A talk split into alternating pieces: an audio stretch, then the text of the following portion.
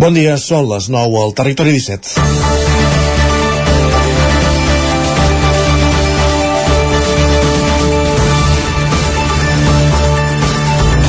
Alerta amb el que expliquen avui des del col·lectiu perquè no ens fotin el tren, que treballa per la millora del servei de la línia R3 de Rodalies, en un fil de dues piolades a Twitter. Recordem que el Vallès Oriental ja està s'està treballant en el desdoblament d'un tram de la línia i això provocarà una interrupció del servei en els propers mesos. Doncs bé, a propòsit d'això, a Twitter, al Twitter de Perquè no ens fotin el tren, escriuen aquest matí hem vist que Rodalies ha licitat un servei alternatiu per al tall de parets La Garriga que no garantirà ni de lluny un temps de viatge decents. No posen busos entre Centelles i Barcelona, sinó entre Vic i Barcelona, havent-hi ja l'E12. Ni en concreten els horaris, ni diuen quants autocars hi ha d'haver per tren. No hi ha no n'hi ha de directes des de la Garriga i tampoc s'intenta reforçar línies de bus interurbanes existents al Vallès Oriental que podrien ser prou útils. És un desastre i cal que el Departament de Territori i Rodalies hi posin remei. Fins aquí. Doncs sí, una més. El transport alternatiu ha de ser una alternativa real. No pot ser que es deixi sense, sense servei o s'obliga a agafar el cotxe per anar fins a una altra estació als veïns dels pobles que queden al mig. Però plantejar un servei directe entre Vic i Barcelona quan ja existeix i fomentant des del mateix Departament de Territori és, una, és un contrasentit pels veïns, per exemple, de Centelles o Balanyà, Aigua Freda o Figaró. Sovint apuntem a Madrid per lamentar la situació de la línia R3 i sí, en tenen gran part de la responsabilitat, però en aquest servei alternatiu la Generalitat hi té molt a dir. Encara no hi ha dates perquè això passi, però hi ha temps per rectificar. Territori 17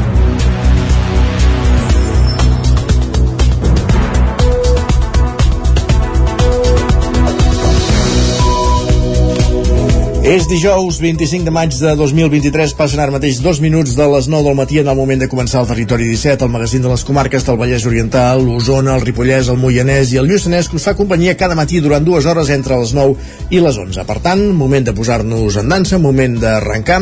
De quina manera, amb quins continguts? Doncs us els avancem tot seguit al sumari. En aquesta primera mitja hora ens dedicarem a abordar les notícies més destacades de les nostres comarques, les notícies del Territori 17 en connexió amb les diferents emissores que dia a dia fan possible aquest programa. També farem un cop d'ull al cel, a la previsió del temps després d'un dimecres eh, on les protagonistes van ser on els protagonistes van ser els ruixats d'alta intensitat en zones concretes i a fora del territori 17, espectacular la calamarsada a les Guilleries, a Sant Hilari Sacalm, per exemple. De tot plegat ens en parlarà en Pep Acosta quan arribi el seu torn, a partir d'un quart de 10 del matí. Després, en Sergi Vives ens portarà fins al quiosc per repassar les portades dels diaris, segurament moltes d'elles ja recollint la, la notícia d'ahir al vespre, la mort de Tina Turner als 83 anys. Més qüestions, a partir de dos quarts de deu pugem al tren, aquest tren que tindrà servei alternatiu només entre Vic i Barcelona, hores d'ara, esperem que la cosa, com dèiem a la portada, es rectifiqui, pugem a, a la Trenc d'Alba amb l'Isaac Muntades per recollir les cròniques dels oferts usuaris de la línia, i tot seguit conversarem amb un altre aspecte d'actualitat, un altre aspecte candent, amb l'Oriol Rovira, és el coordinador d'Unió de Pagesos a Osona i al Lluçanès, eh, Unió de Pagesos i els pagesos en si, que fa unes setmanes que estan mobilitzats per moltes qüestions, per la sequera, per la situació del sector de lletent. De tot plegat en parlarem, com dèiem, amb l'Oriol Rovira, coordinador d'Unió de Pagesos a Osona i a Lluçanès, serà l'entrevista a partir de dos quarts de deu del matí, just després de la Trenc d'Alba. I acabarem aquesta primera hora anant fins a, a la plaça, l'espai de nova economia que cada setmana ens acosta la Maria López des de Ràdio Televisió Cardeu i 11.cat. Més qüestions a partir de les 10 notícies, eh, la previsió del temps i a un quart d'onze, la Foc Lent. Avui serà torn de parlar de mel, de la mel de la Vall de Ribes, amb la Teresa Sala, que és la seva responsable, i ho farem en companyia un dia més de l'Isaac Muntades des de la veu de Sant Joan. Avui la Foc Lent, doncs, per tant, des de la veu de Sant Joan. Uh, I acabarem el programa en la darrera mitja hora parlant, repassant les pilades més destacades que trobem a Twitter, fixant una les estrenes de la setmana als cinemes i les cartelleres als cinemes de casa nostra i fent algunes recomanacions de sèries. Aquest és el menú del Territori 17, un Territori 17 que ara comença, com dèiem, repassant les notícies més destacades de les nostres comarques, les notícies d'Osona, el Ripollès, el Moianès, el Vallès Oriental i el Lluçanès, les notícies del Territori 17.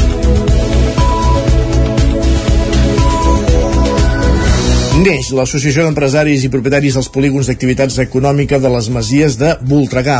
L'entitat ha començat a caminar a finals de l'any passat i actualment aglutina set empreses, Sergi Vives. El polígon de Torruella és un dels sis espais industrials de les Masies de Voltregà. També hi ha el de la Sabrosa, Torrent Faraó, mm, Carrer Indústria, Talamanca i Camí de les Aigües. Precisament aquesta dispersió i la necessitat de crear comunitat i de tenir una interlocució conjunta davant de les administracions han motivat el naixement funcionament d'aquesta associació.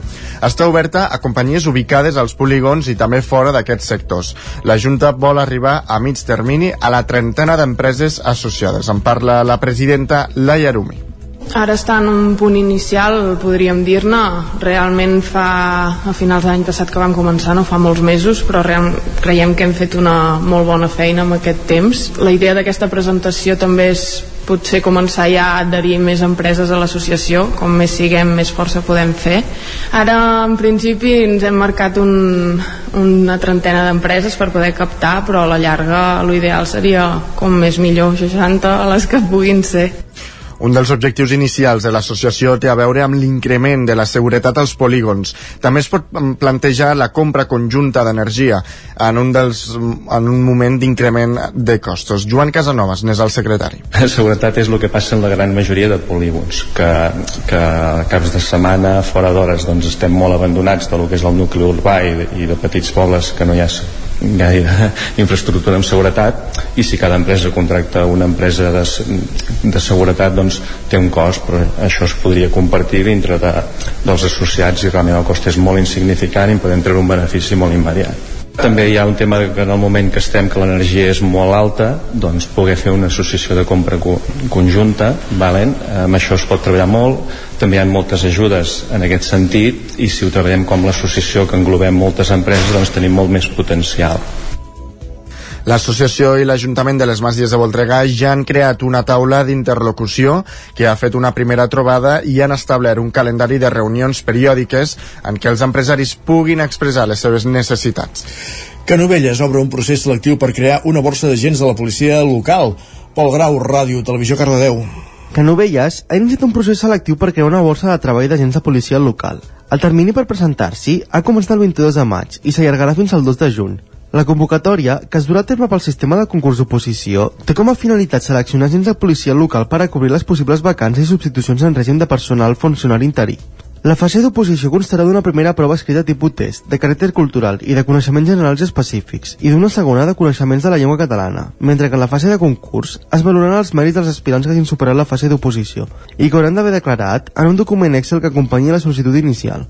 El termini per a la presentació d'instàncies per prendre part en el procés selectiu és de 10 dies hàbils a partir de l'endemà de la publicació de l'anunci d'aquesta convocatòria al Diari Oficial de la Generalitat de Catalunya. Això serà del 22 de maig al 2 de juny amb dos inclosos. I les sol·licituds es podran presentar de manera telemàtica a través de la seu electrònica de l'Ajuntament o de manera presencial al Registre General de l'Ajuntament ubicat a l'Oficina d'Atenció al Ciutadà. Gràcies, Pol. Més qüestions. El Casal Popular Boira Baixa o la Colla Gegantera de Manlleu són alguns dels col·lectius que han participat en el videoclip que les portes de les eleccions municipals han difós a les xarxes socials. Sota el lema Aixequem-nos, els protagonistes parlen de la ciutat de Manlleu com una ciutat acollidora, un missatge clarament antiracista a través del qual mostren el seu rebuig contra els partits amb postulats xenòfobs i racistes que aquest diumenge concorreran a les eleccions municipals a Manlleu.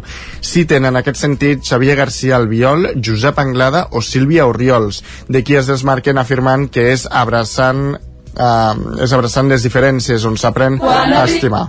A banda de mostrar la ciutat que volen, els col·lectius també parlen d'educació, de la sanitat pública o de la remunicipalització de l'aigua. Al videoclip hi apareixen músics de la comarca com ara Àlex Pujols, exmembre de Charango, Marta Roma o Mar Pujol.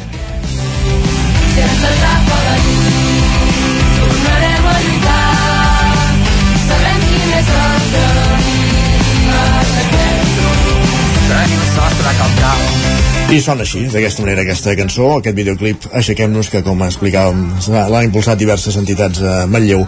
Entrem en campanya electoral, Vic en Comú Podem fa un nou acte de campanya a la plaça Major de Vic en companyia de, del diputat Joan Carles Gallego. Així és, Arnau Martí, candidat a l'alcaldia, estava acompanyat pel diputat dels Comuns al Parlament de Catalunya, Joan Carles Gallego.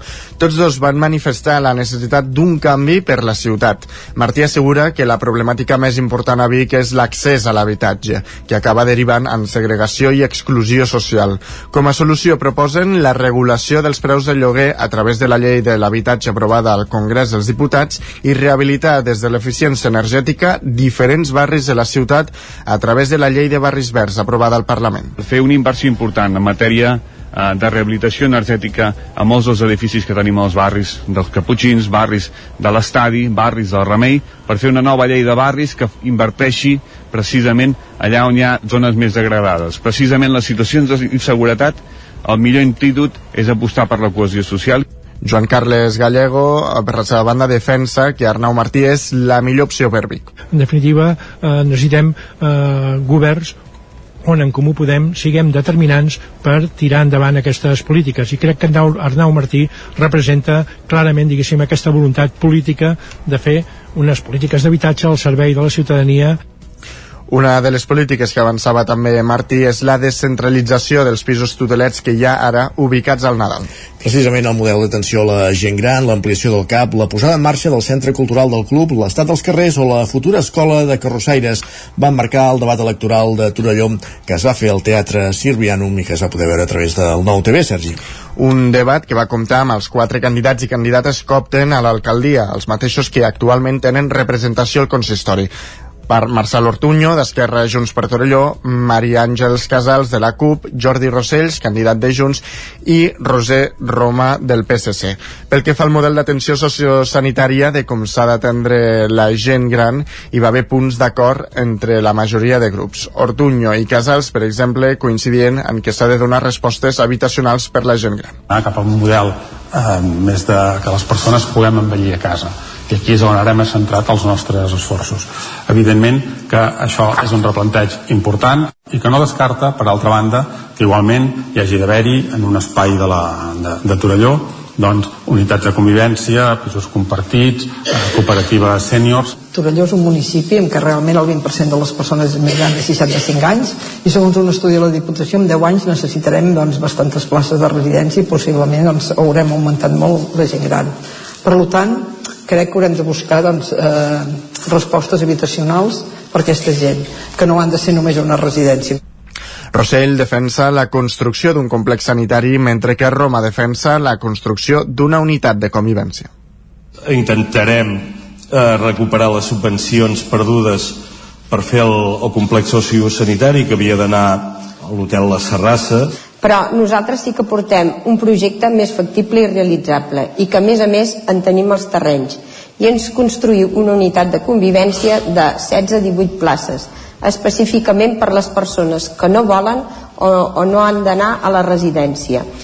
Un dels punts que va generar controvèrsia va ser l'estat dels carrers. Segons Junts, estaven, eh, estan en mal estat des d'Esquerra que ha governat els darrers quatre anys els van retreure la poca inversió que havia fet el darrer govern convergent en aquest àmbit. I sobre de qui és el mèrit d'haver aconseguit l'ampliació del CAP també va sortir el debat, ja que a banda del govern republicà se l'atribueixen des del PSC i Junts. I al Ripollès posem el focus ara en el darrer ple de l'Ajuntament de Ribes, on s'ha rebaixat la crispació del mandat i s'han aprovat les inversions de millora per la residència. Isaac Muntades des de la veu de Sant Joan. A diferència de la resta del mandat, el ple de Ribes de Freser de dilluns passat al vespre va ser el més distès i tranquil i un dels més curts d'aquests quatre anys. Va haver-hi sis dels nou regidors que marxaven del consistori perquè ja no van en posicions de sortida o a la llista, com és el cas de Berta Juste de Junts per Ribes, que es va acomiadar entre llàgrimes després de quatre anys a l'equip de govern. També es van acomiadar regidors més veterans de Junts per Ribes com Joan Albamonte amb 12 anys d'experiència, Carles Mateu i Cosme Damià Moreno amb 8 cadascun. El debutant Joan Vilaplana de Tots Fem Ribes Esquerra Republicana de Catalunya també va plegar. Carles Cano, que no era a la sala, tanca la llista de la CUP i tampoc entrarà. Podem escoltar Juste, Albamonte i Vilaplana acomiadant-se per aquest ordre. Igual que els meus companys, és que no em pensava que, que ara em vindria així, vull bueno, agrair la confiança dipositada. Jo sóc una enamorada de Ribes i aquesta experiència ha sigut molt enriquidora per poder veure el poble des d'una de, altra perspectiva i crec que tothom hi hauria de passar per aquesta experiència. La feina feta per l'equip ha estat molta i n'estic molt orgullosa. Donar les gràcies a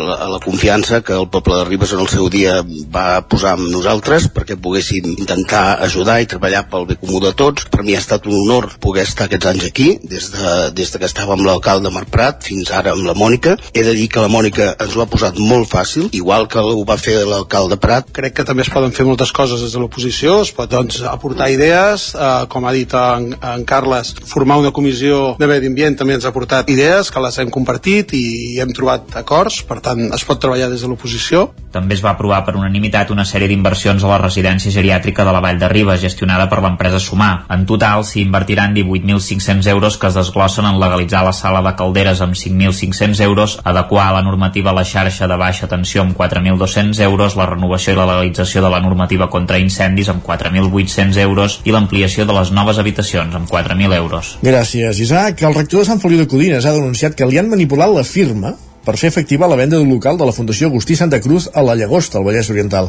Roger Ram, zona codinenca. Zona codinenca. Sí, el rector de Sant Feliu de Codines, Jean-Marie Vianney, s'ha presentat al jutjat de Guàrdia de Granollers per un presumpte delicte de falsedat documental per fer efectiva la venda d'un local propietat de la Fundació Agustí de Santa Cruz a l'Avinguda Catalunya de la Llagosta.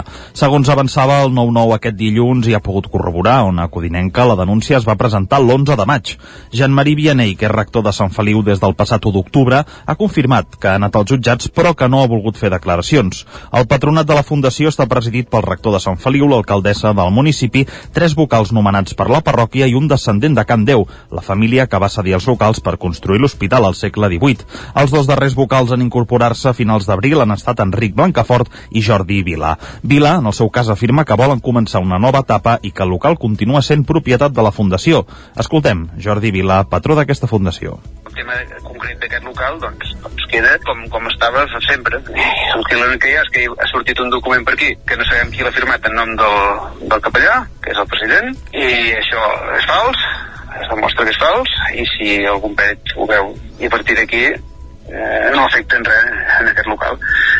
L'alcaldessa de Sant Feliu de Codines, Mercè Serratacó, que és membre del patronat d'aquesta fundació, explica que des de fa una setmana s'estaven fent gestions per tal de donar més liquiditat al patronat i entre elles hi havia la venda de dos locals a la Llagosta. Un ja s'havia venut i l'altre era aquest que n'estava pendent. De fer la, la venda perquè no, no en traiem cap rèdit estaven des de fer molts anys sense llogar ni res i fa cosa potser un any o així que es va decidir de que, de que es posaven a la venda. I bueno, quan ha sortit doncs, la, la possibilitat doncs s'ha fet la primera venda i llavors doncs en aquest moment estàvem a, a meitat de, de gestió de fer la segona. A partir d'aquí doncs és oh, el senyor president del patronat el que bueno, creu que, no, que no, no vol tirar endavant perquè diu que hi ha una, una documentació que diu que no és correcta no puc dir res més perquè tampoc no depèn de, de mi la venda, segons Serratacó, es va acordar amb el patronat fa un any, però amb el relleu entre patrons a la Fundació hi ha representants que no estan d'acord amb aquesta venda. Jordi Vila n'és un d'ells.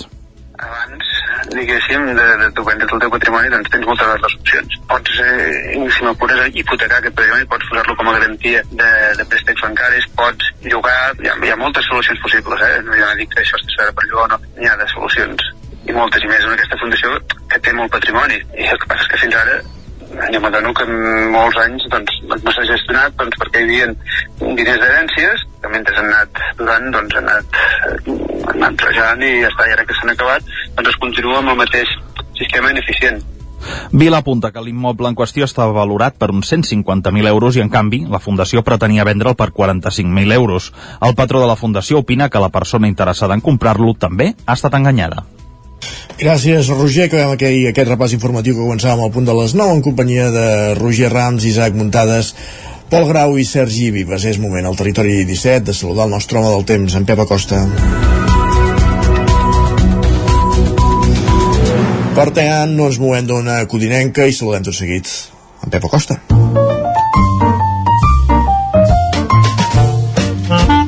Casa Terradellos us ofereix el temps.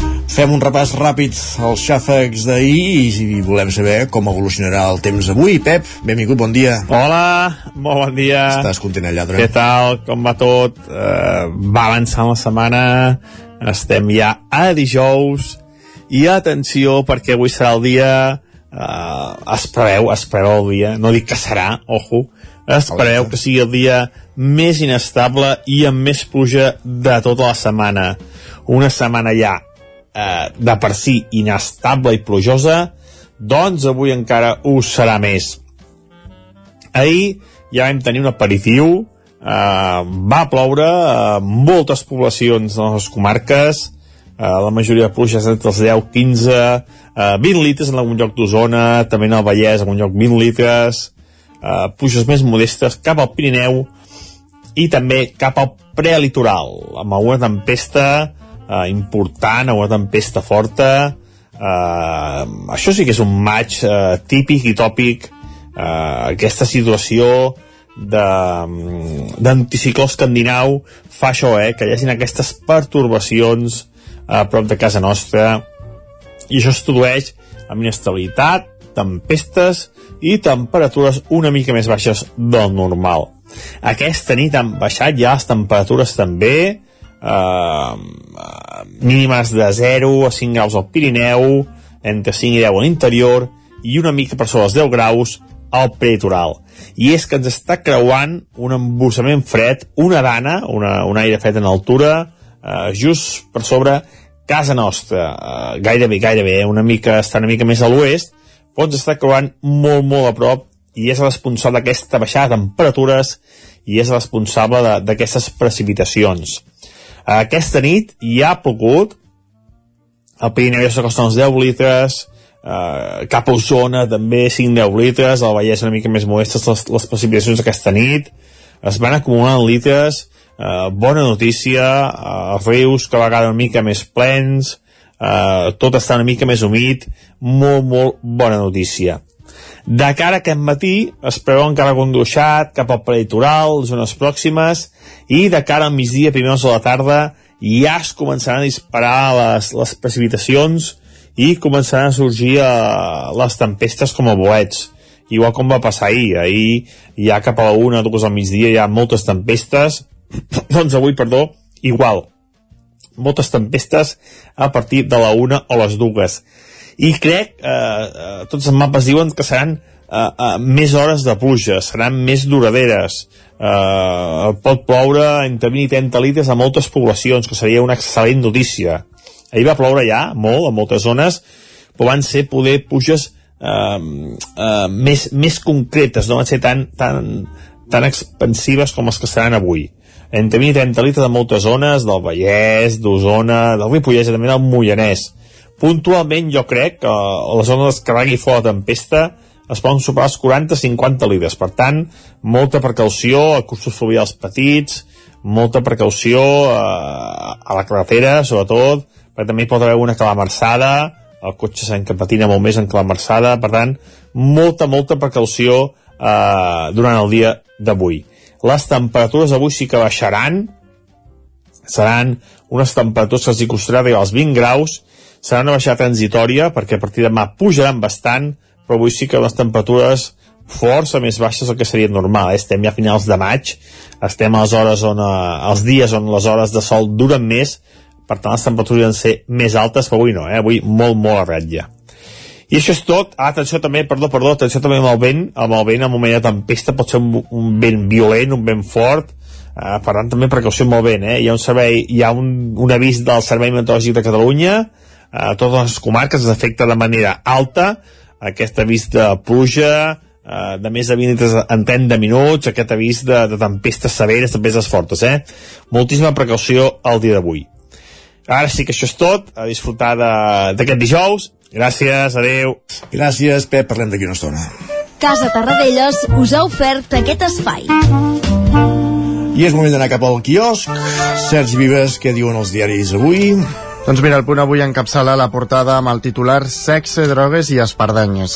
Expliquen que els nous negocis substitueixen el comerç tradicional al voltant de la Rambla de Barcelona. Diuen que els, mm, la forta pujada de lloguers obliga els botiguers de tota la vida a tancar o marxar del barri. Per altra banda, ens expliquen pues, una notícia que apareix a totes les portades dels diaris d'avui i és la mort de Tina Turner, la rockera més poderosa. Expliquen que la cantant de 83 anys havia deixat els escenaris feia una dècada després de mig segle de regnat musical. El periòdico diu que la banca tem més pels crèdits eh, personals que pels empresarials. Expliquen que el nombre de llars moroses creix en 3 anys un 7%, mentre baixa un 22% al de les companyies. Um, la Vanguardia diu que una tècnica, una tecna, tècnica pionera aconsegueix uh, que un paraplègic torni a caminar. Expliquen que l'avenç tecnològic desenvolupat a Suïssa per primera vegada al, per, primer, per primera vegada al món connecta el cervell amb la mèdula espinal i reactiva el moviment. Per altra banda, una notícia també que apareix, en aquest cas a totes les portades catalanes, és el concert d'ahir de Coldplay. La Vanguardia diu que és la primera part, pues clar, perquè en queden uh, tres, Tres més. Expliquen que les 55.000 persones van assistir meravellades al show de música, pirotècnia i llums, tot plegat en un concert que la banda va dedicar a la traspassada Tina Turner. Traspassada just abans de començar el concert, de fet, eh? Sí, sí, sí. Bastant immediat, això. Què més?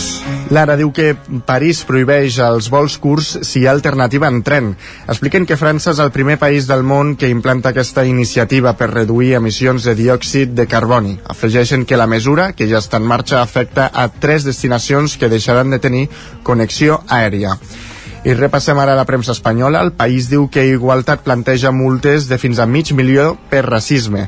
Expliquen que el borrador de llei del Ministeri d'Irene Montero, que la seva tramitació no es preveu en aquesta legislatura, proposa penes més dures per discriminació.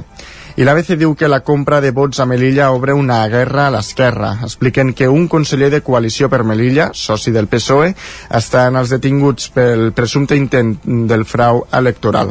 Afegeixen que Podem critica a Mas Madrid i Compromís pels seus vincles amb el partit islamista.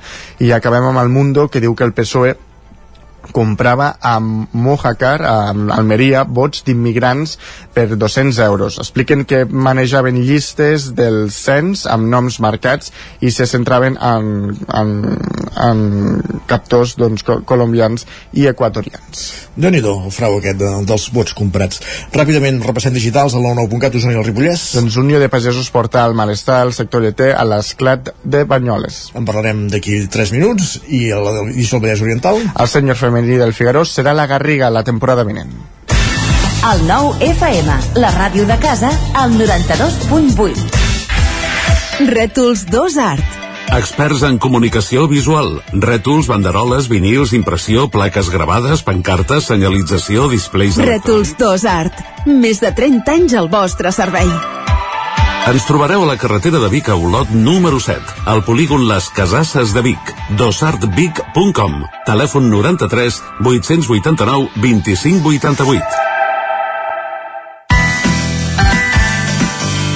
El 3 de juny vine a Sant Julià de Vilatorta perquè arriba Keràmic, la festa d'experiències en fang.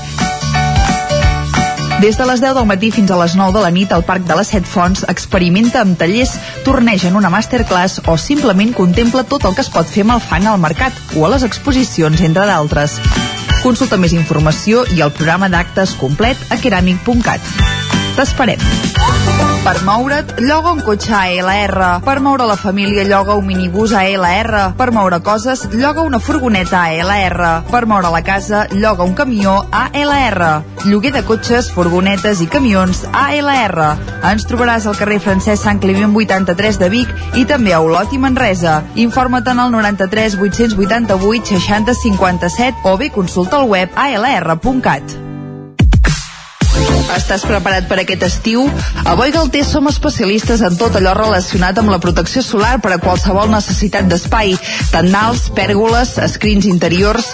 Anticipa't a la calor. T'assessorem i t'oferim la màxima garantia de confort i benestar per casa teva. No ho dubtis i vine a Boi Galtés.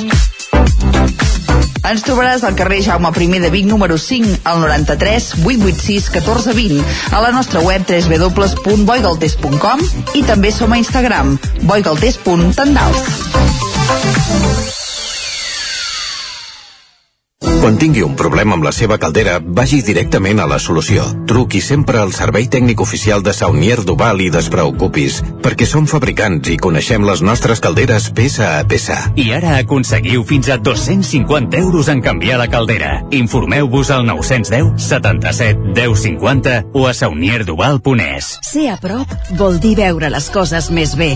Apropa't al que t'interessa amb la xarxa Més. La teva plataforma audiovisual de qualitat, proximitat i gratuïta. Gaudeix dels continguts de més de 30 televisions locals i podcast quan, com i on tu vulguis. Entra a la xarxa més.cat i descarrega't l'app. Anuncia't al 9FM. La màquina de casa. 9 3 8 8 9 4 9 4 9. Publicitat arroba al 9FM.cat. Anuncia't al 9FM. La publicitat més eficaç. Territori 17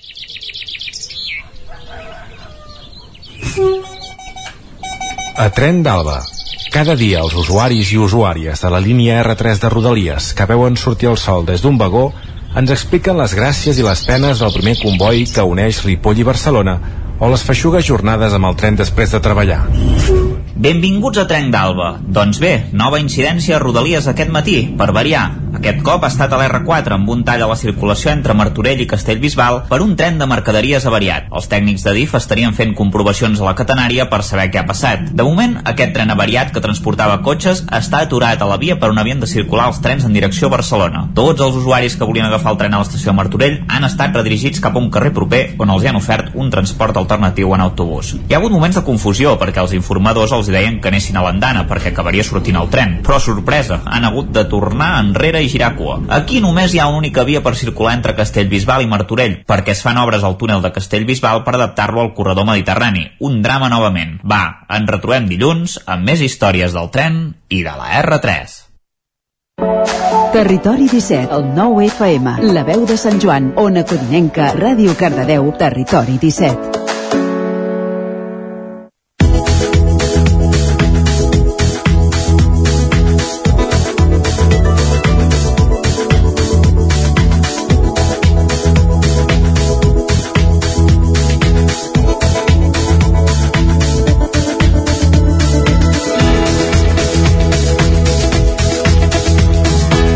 Dos minuts que passen de dos quarts de deu del matí, tot seguit al territori 17, parlem de, de pagesia.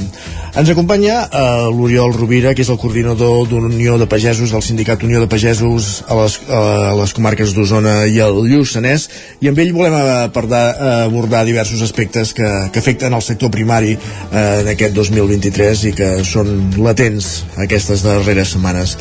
Estem parlant, per exemple, altre cop del preu de la llet, estem parlant de l'afectació de la sequera sobre el sector, quines sortides hi veuen, quines mesures esperen per part dels governs, de tot plegat, com dèiem, en parlarem amb, amb l'Oriol Rovira, qui ja saludem, benvingut, bon dia. Hola, bon dia.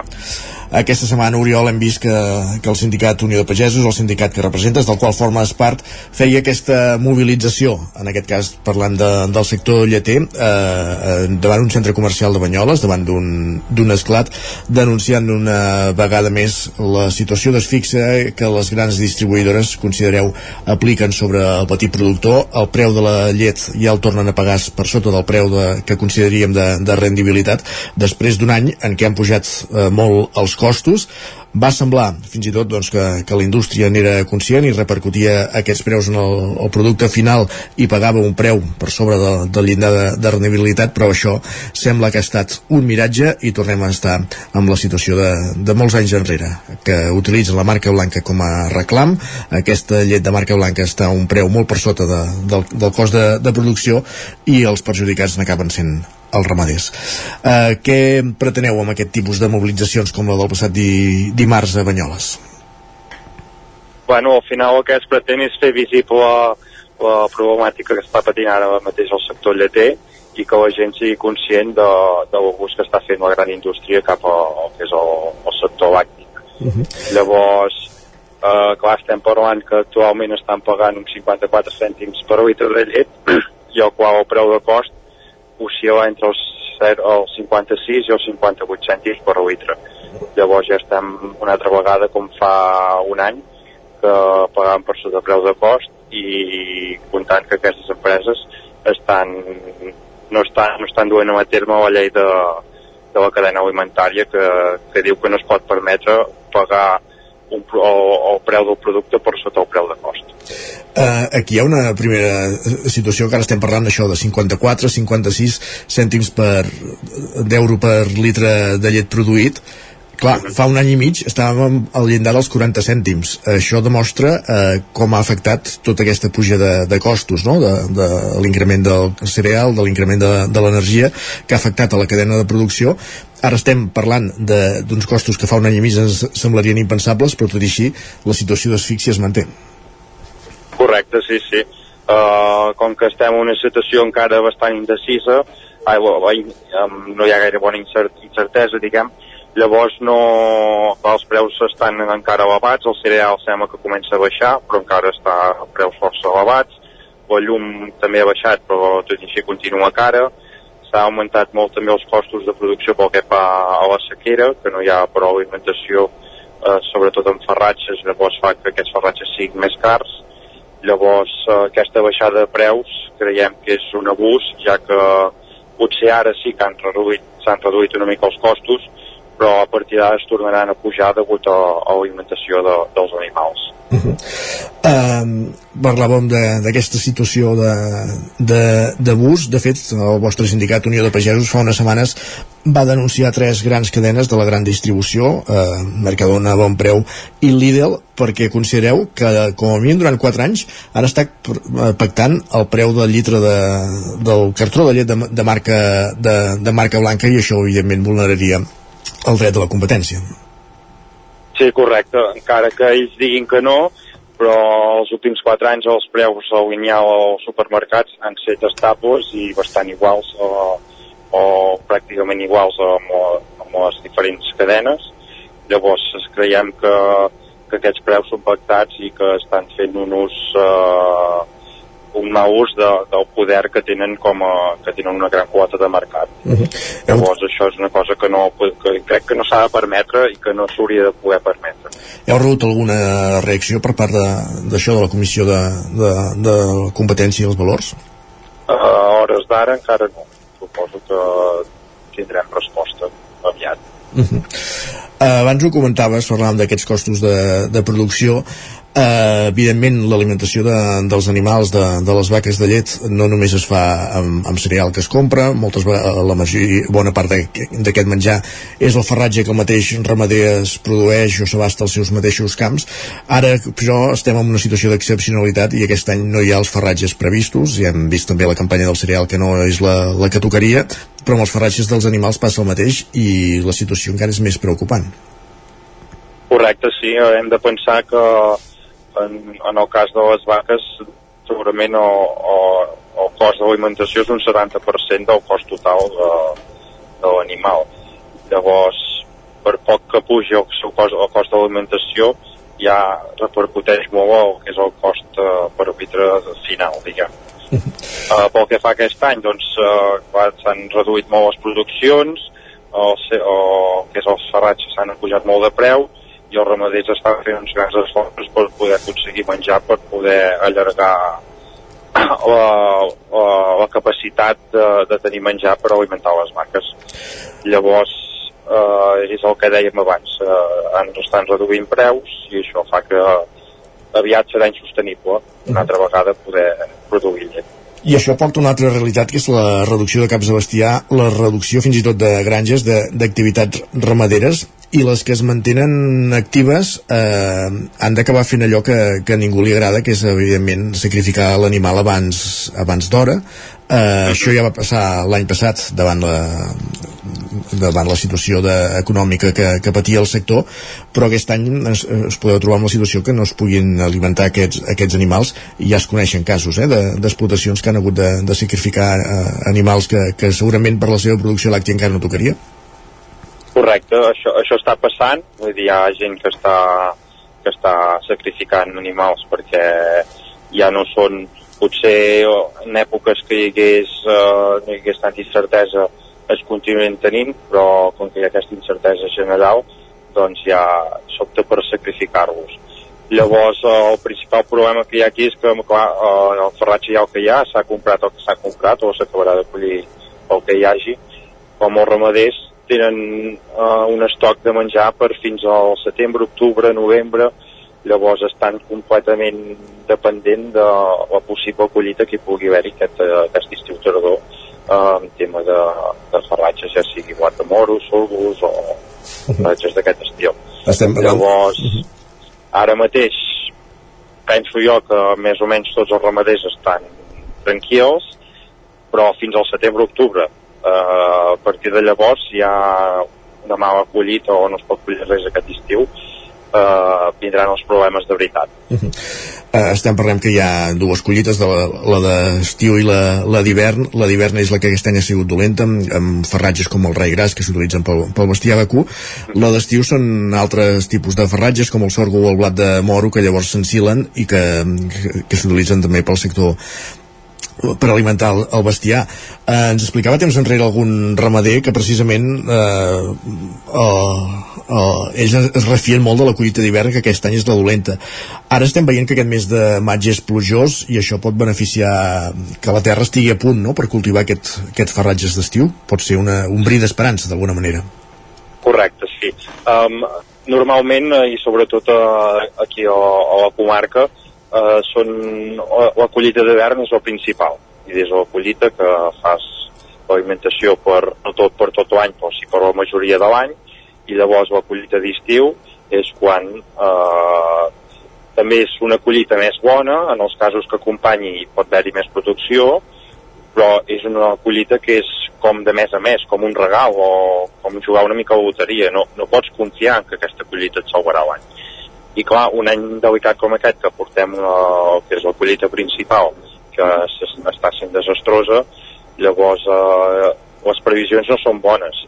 Ara aquestes últimes pluges que hem tingut sí que fa que tinguem l'esperança de que ara quan es comencin a plantar aquests ferratges doncs si més no la seva naixença serà bona ja tens una part una part eh, assegurada per dir-me que, eh, per dir-ho d'alguna manera que, que ja tens eh, un seguro que això anirà bé. Però clar, si demà deixa de ploure o la setmana que ve o ara el maig plou i el juny ho deixa de fer clar, si no plou a l'estiu tampoc en traurem res. Però bueno, eh, l'esperança hi és. Està clar.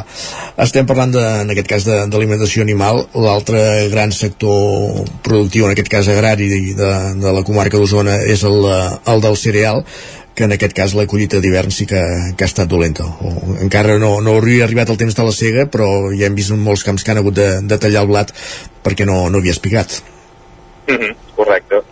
Sí, uh, uh, el fet de que hi hagi menys ferratges, doncs uh, part del cereal, ja sigui perquè no, no productivament ja no era viable esperar a, a la cega o per Sant Joan, doncs ja s'ha recol·lectat abans per poder-ho utilitzar per ferratge per alimentar els animals.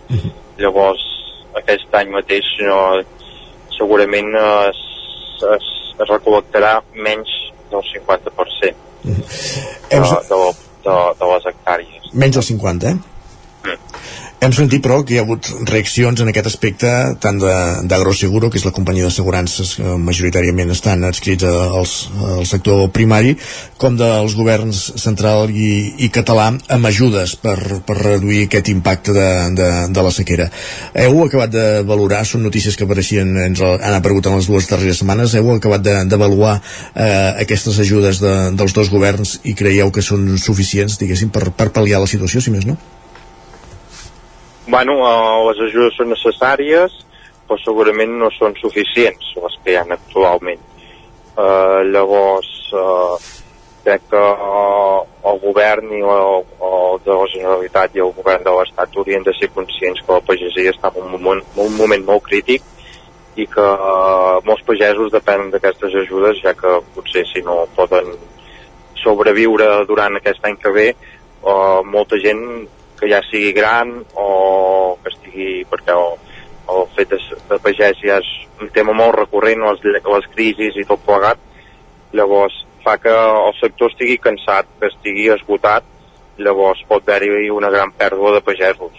Eh, estem parlant que tenim una tempesta perfecta perquè els pagesos pleguin. Eh, uh, jo crec que hem de mirar de que això no sigui així. Llavors l'Estat hauria de poder posar tots els recursos necessaris a, a sobre la taula. Però no, estem en negociacions, ja es n'hi ha veient.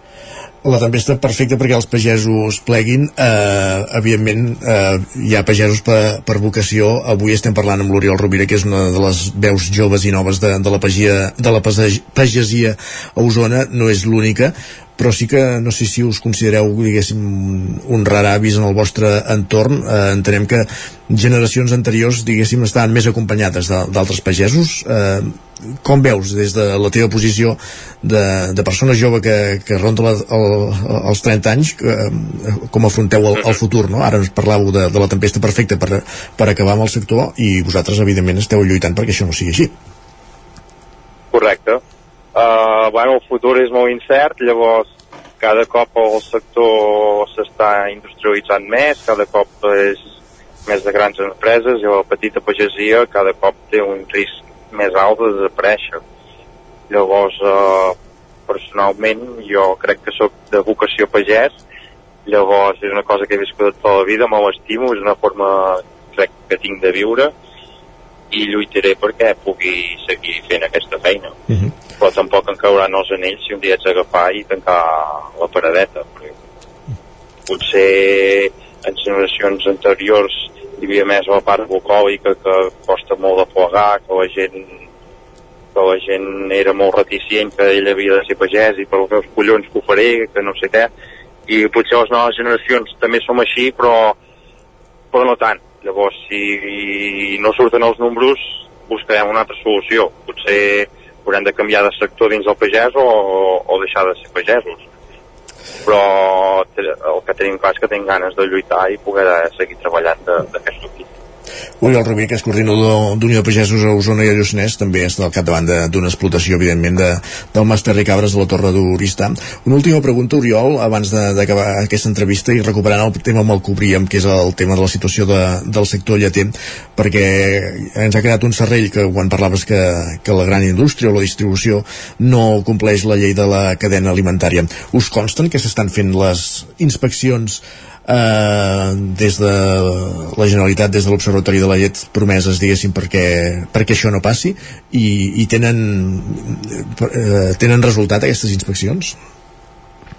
El seguiment s'està fent, el que passa que no estan aplicant bé o, o que haurien de, per dir una manera, o censura o, ai, la censura o, els, les multes o el que sigui. Llavors, jo crec que tampoc ho volen fer bé del tot. Vull dir, per un cantó volen satisfer els pagesos, però per l'altre cantó també volen satisfer la gran indústria. Ells estan, suposo, pel mig de, dels dos i satisfer els dos grups és molt complicat.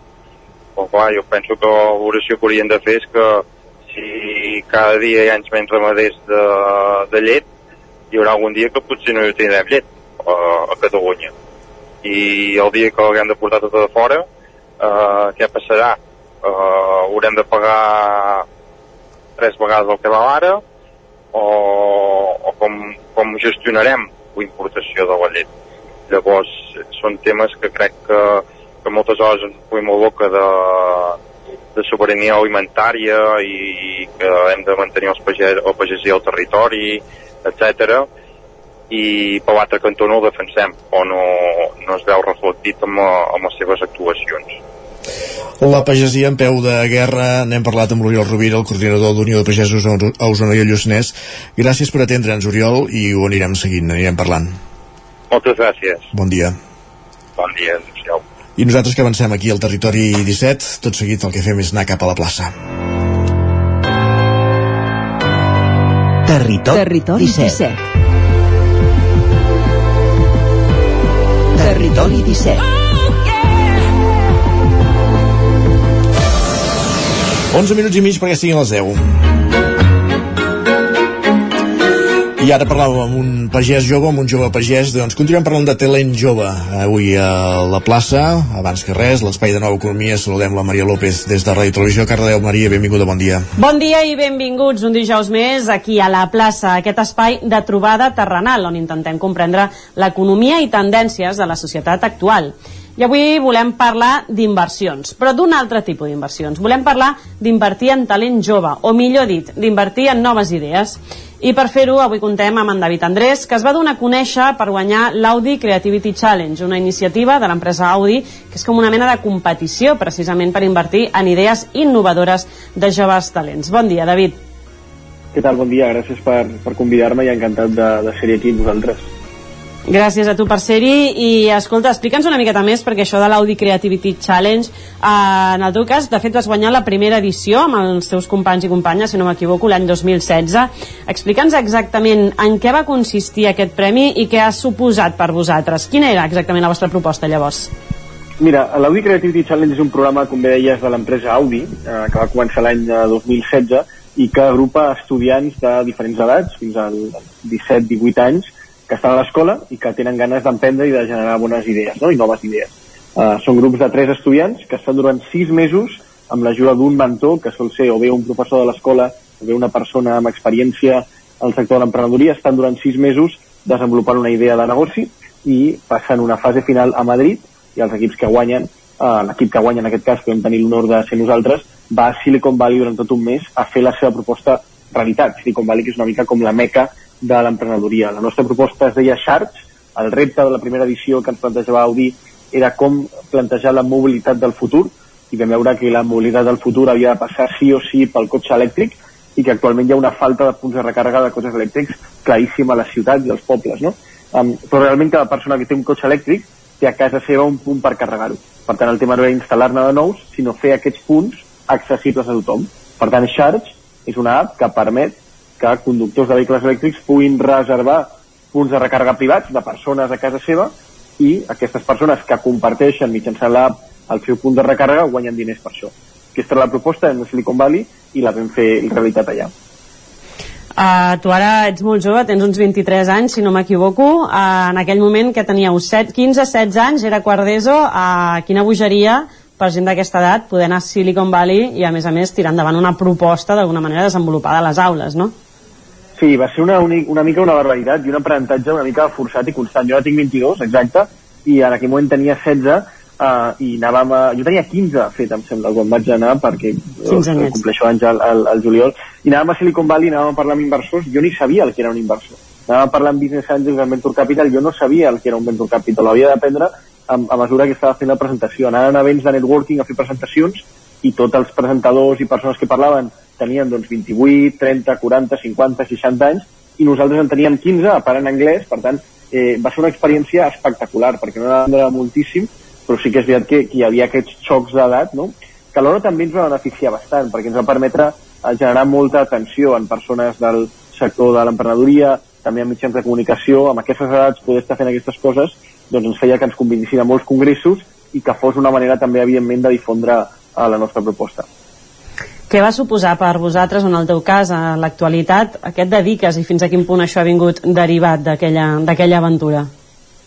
Sí, mira, jo estic estudiant ara de TIAD, acabo aquest any, un doble grau. Jo crec que és important, i fèiem el debat eh, quan teníem aquella edat, de si ficar-nos ja de cap al món de l'emprenedoria o és important estudiar una carrera, nosaltres pensàvem, i en aquest cas jo, que estudiar una carrera sempre et dona una mica la base eh, per construir el teu futur, i per tant eh, he estat eh, estudiant aquesta carrera, però sen, sense perdre vincles amb el sector de l'emprenedoria. Jo actualment eh, ja fa dos anys que sóc el presentador d'aquests events de l'Audi Creativity Challenge, col·laboro en programes eh, d'emprenedoria i també vaig eh, cofundar el programa Idea Up Challenge, que és una mica una cosa semblant a l'Audi Creativity Challenge, però que es fa a les universitats eh, de Barcelona, on agafem estudiants talentosos de, de diferents universitats, s'agrupen amb un mentor també de referència, és una mica el mateix sistema, i durant sis mesos creen una, una startup, una idea de negoci, eh, amb la idea també de fer la realitat. No? Per tant, una mica he pogut continuar aquest camí i tot i que estic estudiant una carrera i acabant-la ja, he pogut mantenir el contacte amb el sector emprenedor, el qual em permet eh, doncs, mantenir contactes i sobretot mantenir una mica aquest esperit emprenedor que crec que totes les persones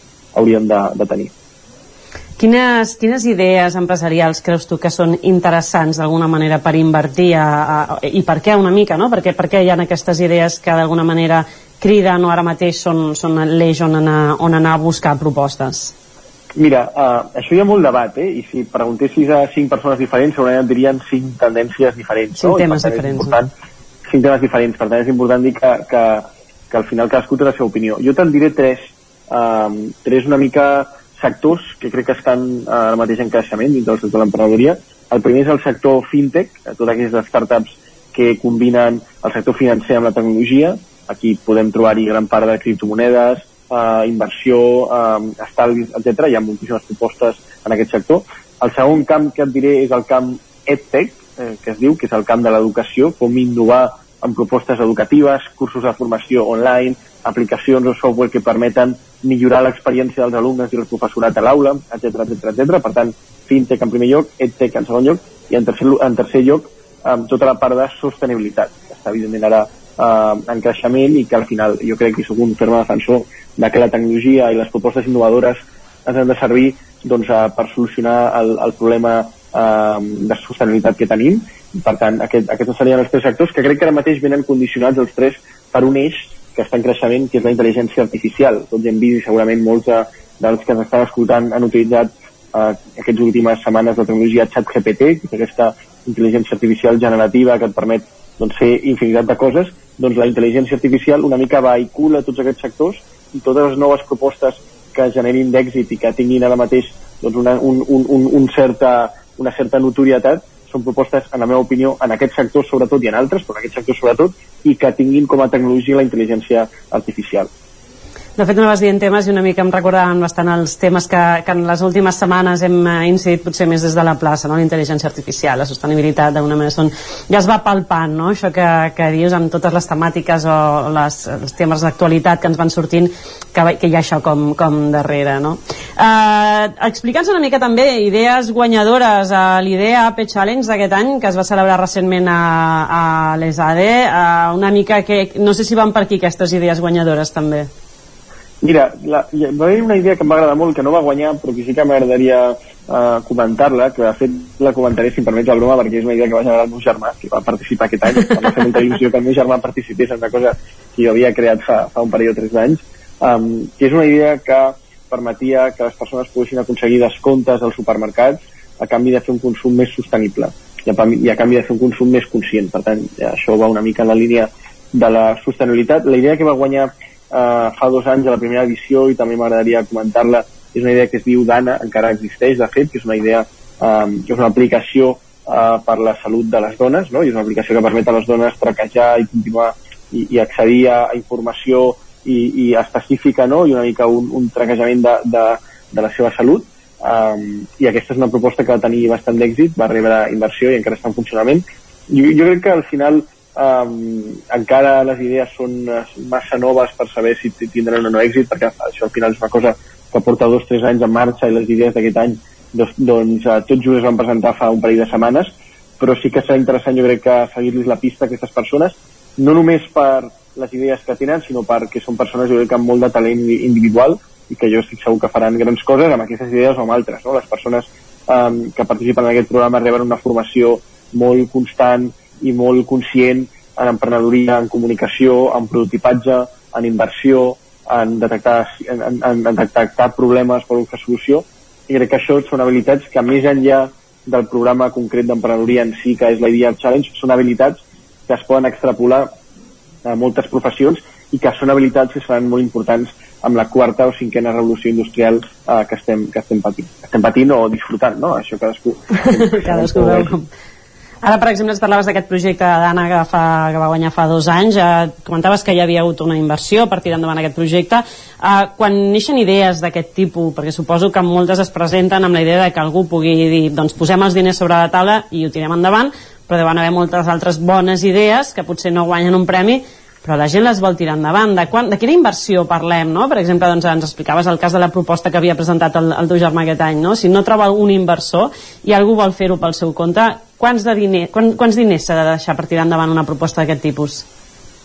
Mira, jo crec que, que canvia moltíssim en funció de, de cada idea, això és evident, eh, la llei de societat de capital, això sabem tots, requereix un mínim de 3.000 euros, però amb 3.000 euros sovint no vas, no vas enlloc. Jo crec que depèn, depèn eh, moltíssim de cada cas. El que és important és eh, fer primer, si no trobes inversor, el que en anglès anomenen les 3 Fs, Family, Friends and Fools, no? La família, els amics i, el, i algun despistat que, que, que et deixi diners per allà, no? Això és el primer. Però sobretot eh, després anar a buscar business angels o inversors. És important que els inversors que busquin les persones que volen generar una idea no siguin inversors que simplement deixen els diners i marxen, sinó que siguin el que es diu uh, smart money, és a dir, persones que tenen coneixement del sector i que per tant no només deixen els diners i marxen i esperen un, un, un, no, un retorn de, de la seva inversió, sinó que deixen els diners i com dominen el sector i tenen contactes, t'ajudaran i estaran amb tu per donar-te els contactes i les eines i el mentoratge que necessites. Per tant, és important que busquin aquests mentors per donar-te una xifra aproximada, eh, que era una mica el que em preguntaves, uh, moltes um, startups en una ronda pre-seed, una ronda pre-seed, que és la primera ronda que es fa, moltes vegades podríem estar parlant, per exemple, una startup amb, amb, amb relatives expectatives de creixement, uns 100.000 euros a canvi d'un 15% de l'empresa. Això podria ser una, una, una dada més o menys genèrica i al final semblarà molt, però moltes de les idees de negoci que surten actualment són idees que tenen vocació de lideratge. És a dir, uh, uh -huh. entren en mercats molt competitius Uh -huh. uh, ara ja des de, la teva, des de la teva expertesa i tenint en compte que segurament hi ha molts uh, i moltes joves que tenen grans idees però no saben molt bé què fer-la, potser li treuen importància precisament per l'edat que tenen i no s'atreveixen quasi ni a exposar-les uh, i ja per tancar la plaça d'avui, no sé quin consell els hi podries donar a tot aquest sector més jove i, i, i revolucionari en aquest sentit Mira, te'n donaré dos. El primer, el que estaves comentant, eh, que al final les idees s'han de compartir. És a dir, si penses que tens una idea tan, tan bona que ningú més al món l'ha tingut, estàs equivocat. Al món hi ha milers i milions de persones pensant idees constantment. La idea que tens la té una altra persona a l'altra punta del món o a l'altra punta inclús de la teva ciutat. Per tant, encara que, que, que, que no l'expliquis a ningú, hi ha una altra persona que l'estàs desenvolupant. Per tant, hauràs d'acabar competint amb aquesta altra persona. Per tant, sempre és millor explicar-la per rebre feedback. Jo sempre explico que a Silicon Valley, quan estàvem amb Sharks, explicàvem les idees a tothom també, per exemple, a la persona, al, al caixer del supermercat. Me'n recordo que va explicar la idea quan estàvem comprant i ens va donar un feedback sobre com funcionaven els supermercats els punts de recàrrega que ens va servir molt per la nostra idea. No? Per tant, primer, primer consell, compartir la idea amb tothom i segon consell, i acabo amb això, la idea no és tan important, el més important és l'equip. La idea sempre es pot canviar, però les relacions humanes, com treballes i aquí esculls, i sobretot que siguin equips multidisciplinars, és una cosa que segurament serà molt més difícil de canviar i serà molt més determinant en l'èxit de la idea i serà molt més valorat pels inversors a l'hora d'invertir en la idea. Per tant, explicar les idees i buscar un bon equip serien els dos, els dos consells. David Andrés, eh, moltíssimes gràcies per acompanyar-nos avui a la plaça, per aquests consells que esperem que arribin també a través de les zones de la ràdio a, als joves, al sector més jove que tingui totes aquestes idees revolucionàries que ens puguin fer avançar una mica més a, cap a una societat més innovadora i, i molt més, amb molt més ulls de cara al futur. Moltíssimes gràcies, David. A vosaltres, gràcies. Gràcies a tu també, Maria, un matí més per acostar-nos a aquestes píndoles d'actualitat, de, de qualitat, en aquest cas parlant sobre recomanacions per a joves emprenedors aquí a la plaça, al Territori 17. Ara mateix passen dos minuts i mig de les 10 del matí, és moment al Territori 17 de posar-nos al dia, d'actualitzar-nos amb les notícies més destacades de les nostres comarques. Territori 17.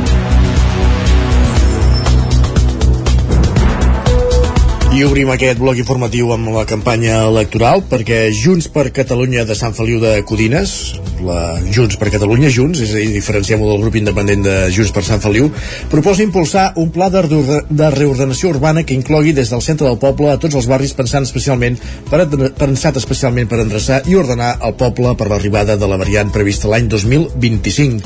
Roger Rams, Ona Codinenca. Aquesta és una de les propostes que ha exposat la cap de llista de Junts per Catalunya Sant Feliu de Codines, Anna Vilarrasa, en la presentació del programa de la formació al Centre Cívic La Fonteta. Vilarrasa ha explicat que part del seu programa i també ha enfatitzat en, part, en el model de centre urbà que proposa que la plaça sigui un espai per vianants i la creació d'un nou espai verd a tocar de l'escletxa. Escoltem, Anna Vilarrasa. Ordenarem els cotxes. Els hem de treure de les aceres. Treballarem per ampliar i crear nous espais d'aparcament Establirem zones blaves en determinades àrees que ens permetin regular l'estacionament, afavorint la dotació de vehicles. Implementarem un servei de pupilatge nocturn al pàrquing de la plaça i al pàrquing del Condis, amb la intenció d'augmentar la seguretat durant les hores de la nit. El partit proposa fomentar un comerç de qualitat i la creació d'un espai anomenat Sant Feliu Empren, en el qual s'hi puguin establir empreses i emprenedors, consultories o empreses de serveis i que permeti que tothom qui vulgui pugui treballar al poble.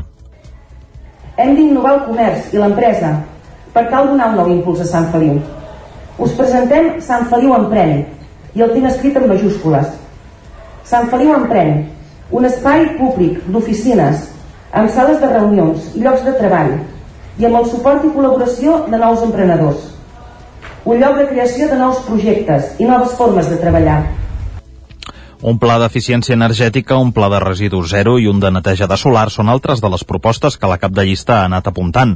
També ha qualificat de clau el treball, la il·lusió i les ganes de trucar portes per tal d'aconseguir subvencions i poder finançar així els projectes i ha afegit que en els darrers governs s'han deixat escapar moltes subvencions. Vilarrasa va estar acompanyada de la diputada al Congrés, Míriam Nogueres, de qui ha dit que és un exemple de fer política. Gràcies, Roger. I encara en campanya electoral, de fet, a dos dies perquè s'acabi aquesta campanya electoral, Vox ha fet la seva primera aparició pública a Vic amb el candidat a l'alcaldia Joan Carles Fuente, exregidor de Plataforma per Catalunya, Sergi Vives. Entre els anys 2007 i 2015, Fuentes va formar part de la Plataforma per Catalunya de Josep Anglada, formació xenòfoba que va arribar a tenir cinc regidors al consistori bigatà. Fuentes va protagonitzar disputes i periples judicials enfrontat a Josep Anglada, que és el candidat de Somi a les eleccions municipals d'aquest diumenge i amb qui assegura Fuentes que a dia d'avui manté una relació cordial. El que no ha canviat és la base del seu programa que va contra la immigració. La immigració és un tema que, per exemple, es diu l'Ajuntament no pot controlar-lo. Sí que pot controlar no empadronant immigrants il·legals, punt. És molt fàcil de fer-lo. Diuen que no es pot fer. Clar que es pot fer. L'Ajuntament de Vic té un problema greu un problema que reconeix eh, ANAR i lògicament són números, són faves comptades de diners que se van amb ajuts que fa per un problema que han creat ells. Bueno, doncs això és un tema que és ara difícilment solucionable però com a mínim no augmentar-lo en l'acte s'hi esperava l'assistència de Juanjo Aizcorbe, número 2 de la llista de Vox a Barcelona, que finalment no va aparèixer. Un fet que va descafeinar la que ha estat la primera posada en escena de Fuentes des de que va arrencar, ara fa gairebé dues setmanes, la campanya electoral. La veu de Sant Joan llença una aplicació que permet conèixer les propostes dels candidats a l'alcaldia i saber com quedarà el consistori. Si això ho saben abans de fer les eleccions ja és màgia.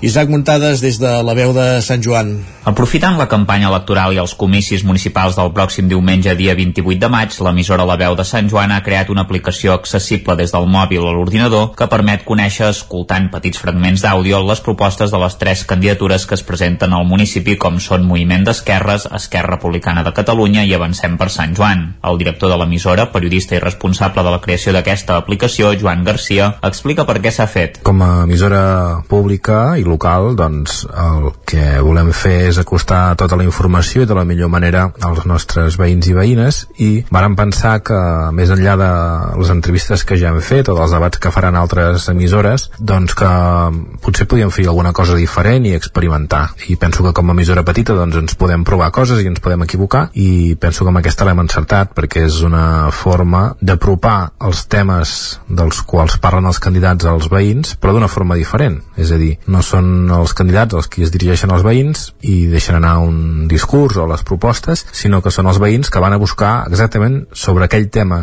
que a ell els hi preocupa, que és el que han dit els candidats, a través de les propostes o a través de petits fragments d'àudio de les entrevistes que els hi han fet. La capçalera i els temes s'ordenen de manera aleatòria quan s'obre l'aplicació per no condicionar o donar més pes a una candidatura o altra. Els talls dels candidats i la candidata a l'alcaldia han estat seleccionats de les entrevistes que els hi va fer la veu de Sant Joan en col·laboració amb periodistes santjoanins que treballen al municipi o que col·laboren amb l'emissora, com són Àlex Bosch, Xevi Soler, Ariadna Retxe, Judit Curós, Martí Palau, Mònica Oms, Esther Rovira, Jordi Vilarrodà, Isaac Muntades i Jordi Remolins. Entre altres talls de veu es pot conèixer per què es presenten els candidats, l'opinió que tenen sobre el carril bici del carrer Ramon Durc, les festes, la Fundació Emma, l'Institut Escola Mestre Andreu, els joves, el Gord de Malatosca, la Ruta del Ferro, els pactes electorals, les vies verdes, l'urbanisme, la Vila Vella, les empreses o la cultura, entre molts altres temes. A banda, l'aplicació també té un enllaç a un simulador en funcionament des de fa dies on es pot jugar a atorgar uns vots a cada candidatura per preveure com quedaria el consistori i fins i tot posa quins regidors entrarien a l'Ajuntament. En definitiva, gràcies a la tecnologia actual, unes eines que només estarien a l'abast d'emissores més grans també les pot utilitzar la veu. 360 alumnes d'Osona han participat aquest curs al projecte Osona per la Justícia Global, que impulsen el Servei de Cooperació del Consell Comarcal d'Osona i ONGs de la comarca, Sergi. Osona per la Justícia Global va néixer fa un any fruit de la inquietud del Servei de Cooperació del Consell Comarcal d'Osona i vuit ONGs de la comarca amb l'objectiu de donar a conèixer el valor de la cooperació i la justícia global a la població jove. En parla el president del Consell Comarcal, Joan Carles Rodríguez. Mm, Aquest projecte educatiu per la cooperació el que vol és, des del Consell Comarcal d'Osona, apropar als instituts de la comarca què és això de la cooperació, què vol dir col·laborar en països pobres, com ajudar al desenvolupament? I eh, aquest és l'objectiu que té aquest projecte. El punt de partida es va situar en el joc educatiu Osmon, un joc pedagògic que ensenya què és la cooperació a partir de l'experiència de les ONGs. Posteriorment es va dissenyar un pla educatiu per portar a terme l'eina educativa als centres escolars. En parla Francesc Mateu, assessor del Consell Comarcal. Aquest projecte eh, és la manera que tenen les ONGs de Vic d'explicar què estan fent. Fa molts anys que ho fan. I el fet de que s'hagin unit totes, de que hagin buscat un fil comú, de que hagin buscat una manera que participin els joves i una manera que puguem fer un acte final, ha canviat el que ja veníem fent de manera que tot tingui molt més sentit, de que ens expliquem molt millor, de que els joves ho entenguin molt millor i de que entrem en una dinàmica que permeti explicar molt millor el que és la cooperació.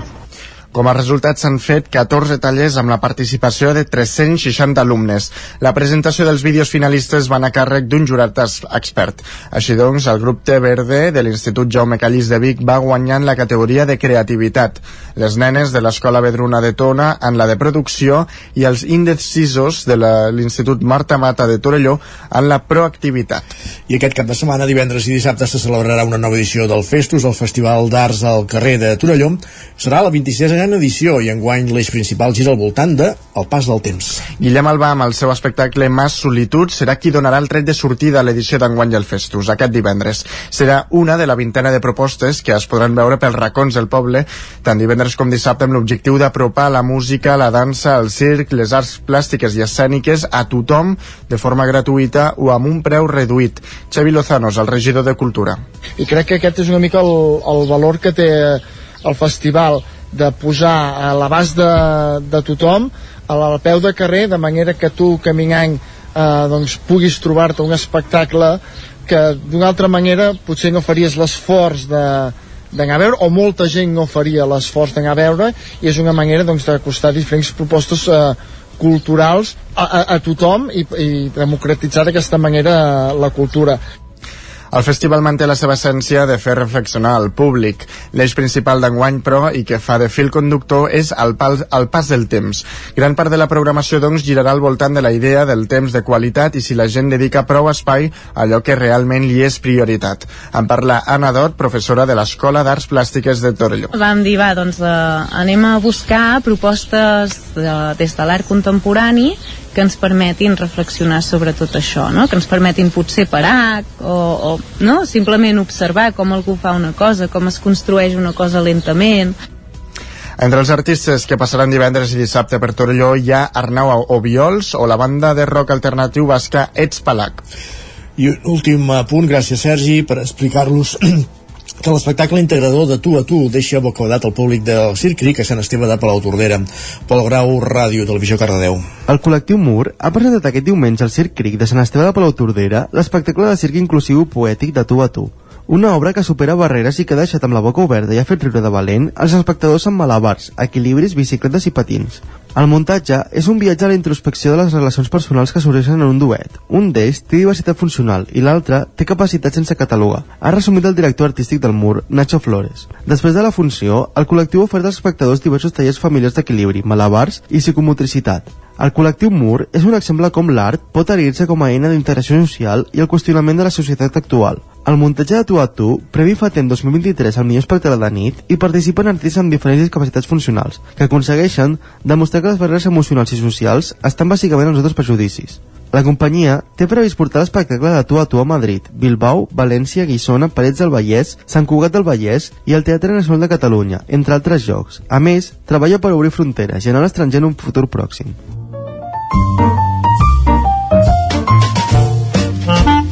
Casa Terradellos us ofereix el temps. I un cop d'ull al cel, volem ser el temps que farà avui. Pep Acosta, bon dia de nou. Hola, molt bon dia. De cara a aquest matí es preveu encara algun duixat cap al prelitoral, zones pròximes, i de cara al migdia, primers de la tarda, ja es començaran a disparar les, les precipitacions i començaran a sorgir uh, les tempestes com a boets igual com va passar ahir ahir ja cap a la una, dues al migdia hi ha moltes tempestes doncs avui, perdó, igual. Moltes tempestes a partir de la una o les dues. I crec, eh, eh, tots els mapes diuen que seran eh, eh, més hores de pluja, seran més duraderes. Eh, pot ploure entre 20 i 30 litres a moltes poblacions, que seria una excel·lent notícia. Ahir va ploure ja, molt, a moltes zones, però van ser poder puges eh, eh, més, més concretes, no van ser tan, tan, tan expansives com les que seran avui.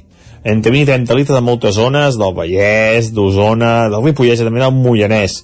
Puntualment jo crec que a la zona de descarrega i fora de tempesta es poden superar els 40-50 litres. Per tant, molta precaució a cursos fluvials petits, molta precaució a, eh, a la carretera, sobretot, perquè també hi pot haver una calamarsada, el cotxe sabem que patina molt més en calamarsada, per tant, molta, molta precaució eh, durant el dia d'avui. Les temperatures avui sí que baixaran, seran unes temperatures que els hi costarà arribar als 20 graus, serà una baixada transitòria, perquè a partir de demà pujaran bastant, però avui sí que les temperatures força més baixes del que seria normal. Eh? Estem ja a finals de maig, estem a les hores on, eh, els dies on les hores de sol duren més, per tant les temperatures han ser més altes, però avui no, eh? avui molt, molt a ratlla. I això és tot. Ah, atenció també, perdó, perdó, atenció també amb el vent, amb el vent, en moment de tempesta pot ser un, un vent violent, un vent fort, eh, per tant també precaució amb el vent, eh? Hi ha un servei, hi ha un, un avís del Servei Meteorològic de Catalunya, eh, a totes les comarques es afecta de manera alta, aquest avís de pluja, eh, de més de 20 litres en 30 minuts, aquest avís de, de tempestes severes, tempestes fortes, eh? Moltíssima precaució al dia d'avui. Ara sí que això és tot, a disfrutar d'aquest dijous i demà farem un balanç de tot plegat aquest episodi de pluges del dia d'avui. Gràcies, adeu. Gràcies, Pep, estem avisats. Fins demà. Casa Tarradellas us ha ofert aquest espai. Un minut que passa d'un quart d'onze del matí, moment de parlar de cuina al territori 17. Entrem a la Foc Lent, l'espai de cuina, l'espai gastronòmic o l'espai on eh, setmanalment també eh, aprofundim en alguns productes, que és el cas d'avui. Isaac Montades, des de la veu de Sant Joan, bon dia. Bon dia, Isaac. Doncs sí, a la Foc Lent d'avui eh, parlarem de, de producte. Avui endolcirem els paladars perquè parlarem de la Mel de la Vall de Ribes amb la Teresa Sala, la seva responsable. De fet, Mel Vall de Ribes és una petita empresa familiar que des del 1992 es dediquen a la cura de les abelles i d'elles, evidentment, doncs, en recullen la mel, la pròpolis, la cera i també altres eh, derivats. Estan ubicats a, a Bruguera, un, al terme municipal de, de Ribes de Freser, just a la, a la falda del Taga, i des d'allà doncs, eh, ens porten doncs, eh, tots aquests productes relacionats eh, amb la mel. Bon dia, Teresa, i moltes gràcies per ser avui al Territori 17 amb nosaltres. Hola, bon dia a vosaltres. Uh, per començar, Teresa, això que comentàvem, eh, esteu situats a Bruguera. No sé si és un bon lloc per tenir-hi ubicats uh, el rus d'abelles, si això us afecta d'alguna manera ara, ara a l'hivern, uh, i, i no sé quants rus teniu i quantes abelles doncs, uh, teniu en aquesta explotació. Mira, ara t'explico. Aviam, eh, la zona del Pirineu eh, és una zona per tots els apicultors de Catalunya d'estiu, perquè les abelles busquen les flors els apicultors busquem floracions. Per tant, les abelles estan aquí dalt eh, de més a menys, del maig el mes de maig, és a dir, aquest mes ja, puja, ja pugen començaments de juny, fins al setembre, octubre, depèn. Eh, nosaltres a l'estiu juguem a casa, i a l'hivern juguen fora. En canvi, els altres apicultors durant l'hivern juguen a casa i durant l'estiu juguen fora. És a dir, que el, a l'estiu, el que és la zona del Pirineu, a, to, a, molts, a molts llocs es veuen caixes d'abelles. Per tant, nosaltres a l'estiu és quan les tenim aquí dalt a la Vall de Ribes. Eh, com ens afecta? Home, a l'hivern no les podem tenir aquí dalt, les hem de treure cap avall, perquè si no, eh, primera ens limitaríem les floracions, és a dir, que ens quedaríem només amb una varietat de mel, i segona, l'hivern és molt dur aquí dalt, que podrien sobreviure, però bueno, el fet de, de poder-les treure i anar a buscar eh, zones més, més càlides i amb altres floracions ens beneficia a nosaltres i amb elles. Uh -huh. M'has demanat quantes en tenim? Mm. En aquests moments. En aquests moments ten, estem treballant vora les 300 caixes, aproximadament. 300 Uh, uh -huh. No sé, uh, no et sabria dir el número exacte perquè sempre hi ha baixes, uh -huh. però bueno, ara mateix estan aixamanant i n'hem capturat vàries. I quantes abelles pot haver-hi a cada caixa? Doncs pues depèn una mica de, de la floració que hi ha. És a dir, en moments de màxima floració hi poden haver cap a 80.000 abelles en una caixa. Mm, però, bueno, més o menys ens movem entre 50.000 i 80.000. No les hem comptat mai, eh? És a dir, que és un tema estadístic. Uh -huh. A, a l'hivern només et volia fer una puntualització, Teresa, o on les baixeu? Mira, tenim a la zona de, cap a l'Empordà i cap al Baixes. Mm -hmm. Molt Perfecte. Bé.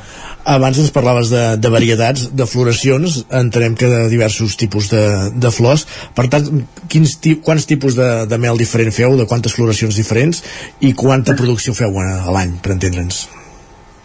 Mira, aviam, eh, això de la producció varia molt perquè portem, portem uns quants anys que, que no ens ho paguem una temporada bona, eh? eh varietats de mel, quan les abelles les tenim aquí dalt fem la mil flors de muntanya que quan, dic, quan diem fem de mil flors de muntanya estem fent una mel de mil flors que és una barreja de, de floretes de muntanya. No és una barreja de diferents varietats de mel que llavors passa a anomenar-se mil flors, que és el que passa, passa moltes vegades. Quan, els apicul, quan alguns apicultors tenen diferents bidons de mels, diferents culs de bidons, per diguem-ho així, passa a ser una mel de mil flors. No, no, ha de ser una mel de mil flors que la faiguin les abelles, que és la mel de mil flors de muntanya, o molta gent li diu mel del Pirineu. Val? Fem romaní, fem alzina, fem castanyer, fem farigola i si la velutina ens deixa fem arbós. Ara has tocat el tema, eh, la velutina. És, és, un mal, és un mal de cap pel sector dels últims anys, eh? Sí, bueno, aquí dalt, aquí dalt encara no ens afecta gaire, eh? N'hi ha, eh? Però, però realment no, no, la, no, no, ens, no, no ens afecta molt encara, encara podem seguir treballant. Si se'ns moren les abelles no és per culpa de la velutina. Uh -huh. Ara comentaves això, eh? No sé quina producció feu, feu a l'any, eh, també, Teresa? Mira, podem fer cap a 30 bidons de mel a l'any. Un bidó té uns 290-300 quilos de mel, més o menys. Uh -huh. déu nhi Ara fa poc també teniu, eh, segons la pàgina web, eh, hem eh, investigat una mica, teniu una, una novetat sí. que és la mel d'or, no? No sé què me'n diries, quines característiques Va. té? Mira, nosaltres fem, a part de fer mel, fem diferents preparats amb mel. Uh, preparat vol dir que, és, que agafem la mel i hi fiquem una cosa. Dintre dels preparats ja fa molt temps que anem fent mel amb cúrcuma, mel amb gingebre, mel amb canyella, mel amb pròpolis, mel amb farina de garrofa i avellanes, és a dir, que ja fem diferents preparats, però hem introduït ara un nou preparat que es diu Melor, que és un, és un producte que està funcionant molt, que és mel, mel de mil flors, amb cúrcuma, gingebre, polen, canyella, pebre negre i cardamom. I ho hem, està pensat és a dir, quan el vaig dissenyar, bueno, el vaig dissenyar jo, vaig fer jo aquest producte perquè buscava una, una, un, un producte per poder prendre amb llet, diguem-ne, com a alternativa al cafè i per prendre-ho al matí, perquè a vegades si has de, et diuen has de prendre cúrcuma, gingebre i canyella i has de prendre aquestes espècies, i molta gent no sap on s'ho ha de prendre. Doncs amb aquest preparat ho tens tot, i està pensat per prendre amb llet, al matí per esmorzar, a la tarda a l'hora per lloc d'un cafè llet, i és que és genial perquè porta, t'aporta les propietats de la mel i de totes aquestes espècies. És un producte nou que ens està funcionant molt bé i agrada molt. El que passa, per vendre'ls l'hem de deixar provar, perquè el que el prova el, el vol. Uh -huh. Uh -huh. Un altre producte que elaboreu és el pròpolis. Coneixem els carmels de pròpolis, que són apropiats moltes vegades per la tos. Uh, exactament, explica'ns quin és l'origen, d'on surt, uh, com l'elaboreu. Vale. El pròpolis és una resina que les abelles treuen dels arbres. Quan, la, quan els arbres broten les fulles noves, tenen aquesta resina que és una protecció de les fulles. Llavors, les abelles treuen d'en aquesta resina i segons recullen, recullen el propoli. És el seu desinfectant de la colmena. Més que tot perquè elles eh, desinfecten la colmena amb propolis. Clar, es va descobrir que té propietats antibiòtiques. Uh, la colmena, a molts llocs i a moltes escletxes n'hi han de propolis. Aquests propolis es diuen de raspat. Nosaltres aquests no el fem servir gaire perquè és un propolis brut. Diguem-ne que hi poden haver escletxes de fusta, trossos d'abella. Nosaltres els hi fiquem unes reixes que ja són expressament per extreure el propòlis. Elles propolinitzen aquestes reixes, són d'un plàstic tubet, i llavors nosaltres només tenim que refredar aquestes reixes, doblar-les i croc, croc, croc, croc, anem extraient tot el propòlis. Un cop tenim el propòlis, el propòlis és termoresistent, és a dir, el congelem, no per propietats, i el manipulem congelat, és a dir, que el solem moldre el molem i el, i el treballem en pols. A partir del pròpolis nosaltres en fem, en fem diferents productes, és a dir, que fem mel amb pròpolis, a la qual mel i afegim el pròpolis. Els caramels nosaltres no els fem perquè encara no en sabem fer. I ens els fem fer, però els enviem als nostres pròpolis i els hi diem quina quantitat de pròpolis. Enviem el pròpolis en pols, eh?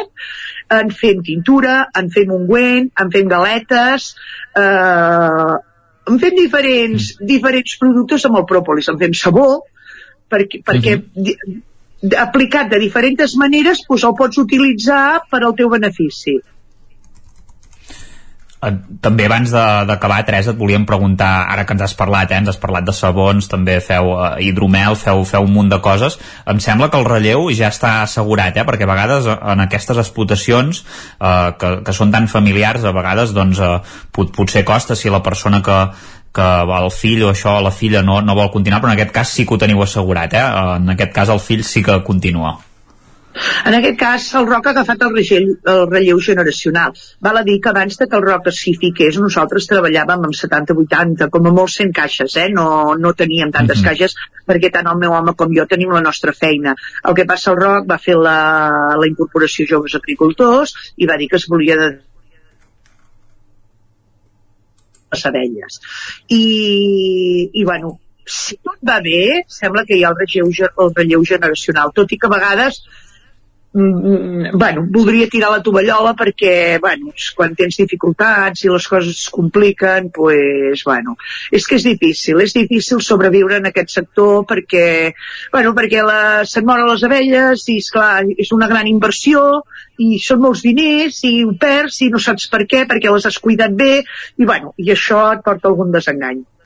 -hmm. Doncs avui hem conegut aquesta iniciativa, aquest projecte, aquest producte, la Mel Vall de Ribes. N'hem parlat amb la Teresa Sala des de, des de Bruguera i hem conegut els detalls eh, de l'elaboració de la mel i d'aquests productes en, en concret.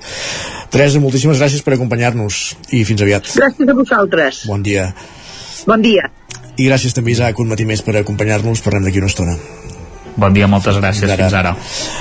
Doncs aquesta, aquest producte, el mel Vall de, la Mel Vall de Ribes, avui a la Foc Lent, i nosaltres el que fem és avançar al territori 17. Tot seguit farem una petita pausa, eh, com cada dia, 3 minutets, i de seguida ja ens espera en Guillem Sánchez amb el més destacat que ha trobat a Twitter, i acte seguit anirem al cinema amb en Joan Garcia i en Gerard Fosses des de la veu de Sant Joan, repassant la cartellera de les sales de casa nostra, dels cinemes de les nostres comarques, i també les estrenes de la setmana. Serà, com dèiem, d'aquí 3 minutets, piolades, cinema i acabarem el programa amb algunes recomanacions de sèries. Som al Territori 17, com dèiem, petita pausa i tornem ara mateix amb tots vosaltres. Fins ara. El nou FM, la ràdio de casa, al 92.8. El 3 de juny vine a Sant Julià de Vilatorta perquè arriba Keràmic, la festa d'experiències en fang des de les 10 del matí fins a les 9 de la nit al Parc de les Set Fonts experimenta amb tallers, torneja en una masterclass o simplement contempla tot el que es pot fer amb el fang al mercat o a les exposicions, entre d'altres. Consulta més informació i el programa d'actes complet a keramic.cat. T'esperem. A Bailen sabem que quan té una avaria a la seva caldera vol una solució ràpida. Truqui al servei tècnic oficial Bailen i els nostres tècnics vindran ràpidament a solucionar-li el problema. A més, si canvieu ara la caldera, us regalem fins a 250 euros. Truqueu al 910 77 88 77 o entreu a bailen.es. Per moure't, lloga un cotxe ALR. Per moure la família, lloga un minibús ALR. Per moure coses, lloga una furgoneta ALR. Per moure la casa, lloga un camió ALR. Lloguer de cotxes, furgonetes i camions ALR. Ens trobaràs al carrer Francesc Sant Climent 83 de Vic i també a Olot i Manresa. Informa't en el 93 888 60 57 o bé consulta el web alr.cat. A Boi Galtés trobaràs tot el que necessites relacionat amb l'equitació. T'assessorem i t'equipem amb tot el que et faci falta. Som especialistes. No ho dubtis i vine a Boi Galtés. Ens trobaràs al carrer Jaume I de Vic, número 5, al 93 886 1420. A la nostra web www.boigaltés.es i també som a Instagram boigaltés.equitació. Ser a prop vol dir veure les coses més bé. Apropa't al que t'interessa amb la xarxa Més. La teva plataforma audiovisual de qualitat, proximitat i gratuïta. Gaudeix dels continguts de més de 30 televisions locals i podcast quan, com i on tu vulguis. Entra a la xarxa més.cat i descarrega't l'app. Cocodril Club. Si t'agrada la bona música dels anys 60, 70 i 80, escolta el 9 FM als matins de dissabtes i diumenges d'11 a 1. És el temps del Cocodril Club, tot un clàssic de la ràdio, amb les bases del pop-rock, les llegendes, les cançons que s'han convertit en autèntics himnes. Recorda, dissabtes i diumenges al matí, d'11 a 1, al 9 FM 92.8. Cocodril Club, el programa revival de l'Albert Malla. Hasta luego, Anuncia't al 9FM. La màquina de casa. 9 3 8 8 9 4 9 4 9. Publicitat arroba al 9FM.cat. Anuncia't al 9FM. La publicitat més eficaç. El 9 FM, la ràdio de casa, al 92.8. En punt dos quarts d'onze al territori 17.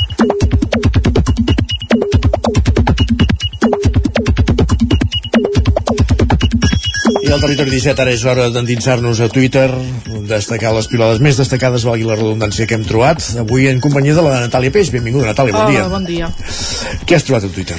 Doncs començarem per la que va ser la notícia d'ahir al vespre, segurament la mort de Tina, Tina Turner, Turner, sí. d'aquesta cantant que moria als 83 anys i que va generar doncs, també moltes reaccions a la xarxa. Hem escollit algunes piulades, concretament tres. La primera, la de la Roser Montaner, allà on sigui, segueix ballant i cantant amb aquesta actitud i somriure. Ahir moltes dones van perdre una referent. Et seguirem escoltant com la primera vegada, gràcies per tanta vida, tanta lluita i tanta música.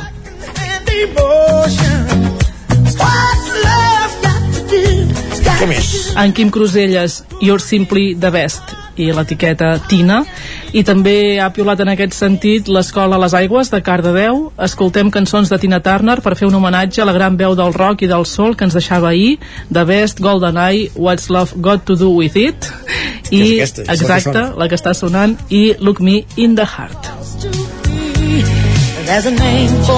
Més Tina Turner? Passem al tema de la setmana i, i del... Vinícius, no? No, Ah, eleccions. D'acord, d'acord. Doncs vinga, no sé si heu fet allò una mica d'anàlisi dels carrers i heu mirat quants cartells electorals teniu penjats a les faroles i als arbres del vostre municipi. Molts, molts, molts. Són dies- Alguns, de, alguns estan horrorosos, per cert, però bé. Bé, els criteris estilístics són Sí, curiós. millorables en algun Exacte. cas, potser.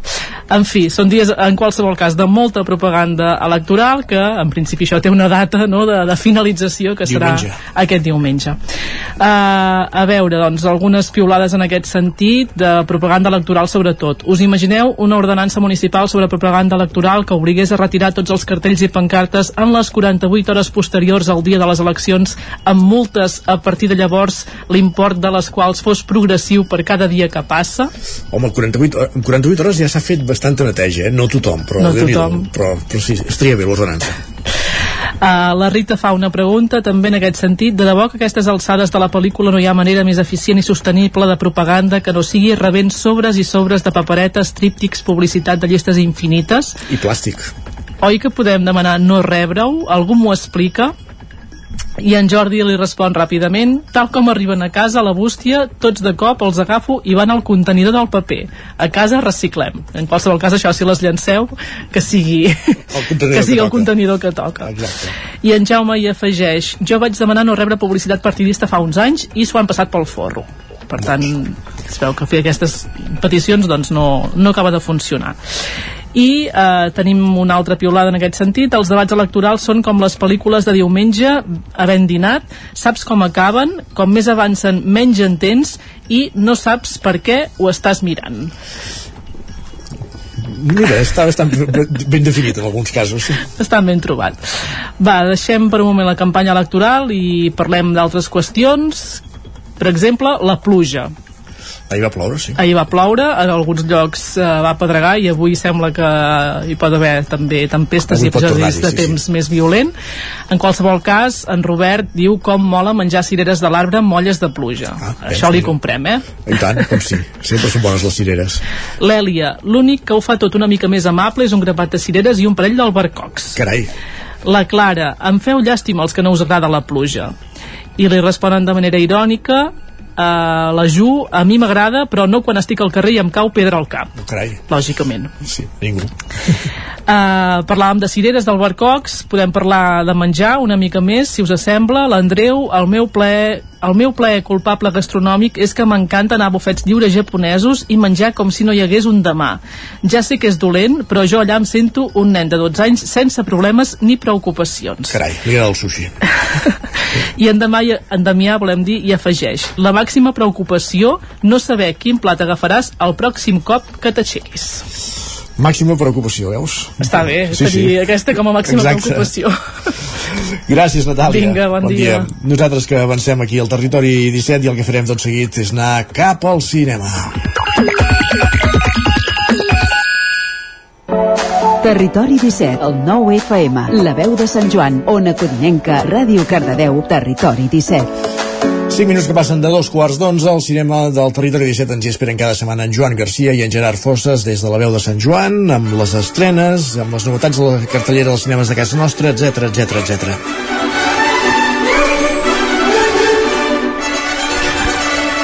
I ja la coneixeu, aquesta música és la que fem servir sempre per donar la benvinguda a en Gerard Fosses i parlar de cinema al magazín de la veu i al Territori 17. Hola Gerard. Hola, què tal? Bé, com va això? Doncs molt bé, uh, Sí. mira, una setmana més uh, parlant d'estrenes, tot i que crec que portem una ratxa bastant dolentota, eh, en general. Home. No sé si és uh, estènia primaveral que es trasllada a les cartelleres, però uf, Pot ser, jo de moment, pel que he vist, doncs això, molta nostàlgia el remake aquesta setmana. sí, sí, sí, que és també una mica l'època, no?, abans de l'estiu, que vinguin també estrenes importants, sobretot de, de grans productores i grans franquícies, i bé, aquí tornem una mica en aquesta línia. La, la setmana passada parlàvem de, de Fast and Furious, aquesta setmana li toca el torn a Disney, perquè la, la pel·lícula que s'estrena és el remake de La Sirenita. Has desobedecido las normas. Ha sido el mundo exterior. Un hombre se estaba ahogando, tenía que salvarlo. Esta obsesión con los humanos debe acabar. Solo quiero saber más sobre ellos.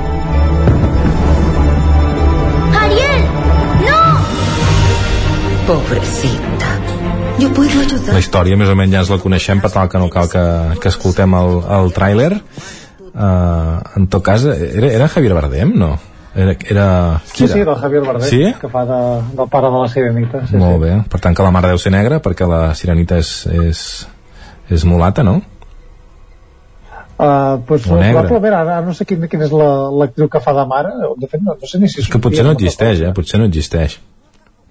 Sí, ara, ara no me'n recordo, perquè jo el remake no l'he vist, eh, estic pensant en l'original, i no me'n recordo si hi havia la mare, crec que hi havia el pare, però no. Mm. Molt No bé. sé, no sé. Però també tenim a Melissa McCarthy, de, de Úrsula, de, d'aquesta bruixa que, que li roba la veu a la sireneta i aquesta protagonista que va crear aquella controvèrsia absurda de, de sempre que surt a internet, no? que és Mm. eh, poses una actriu negra, en aquest cas Halle Bailey i ja hi ha discussions de que la sireneta doncs, ha de ser eh, blanca i pèl roja no? Mm. perquè les sirenes existeixen i tots sabem que són blanques i pèl roja Sí, sí, sí, sí. Bueno, això també ha passat amb la pel·lícula de Cleopatra, no?, a Netflix.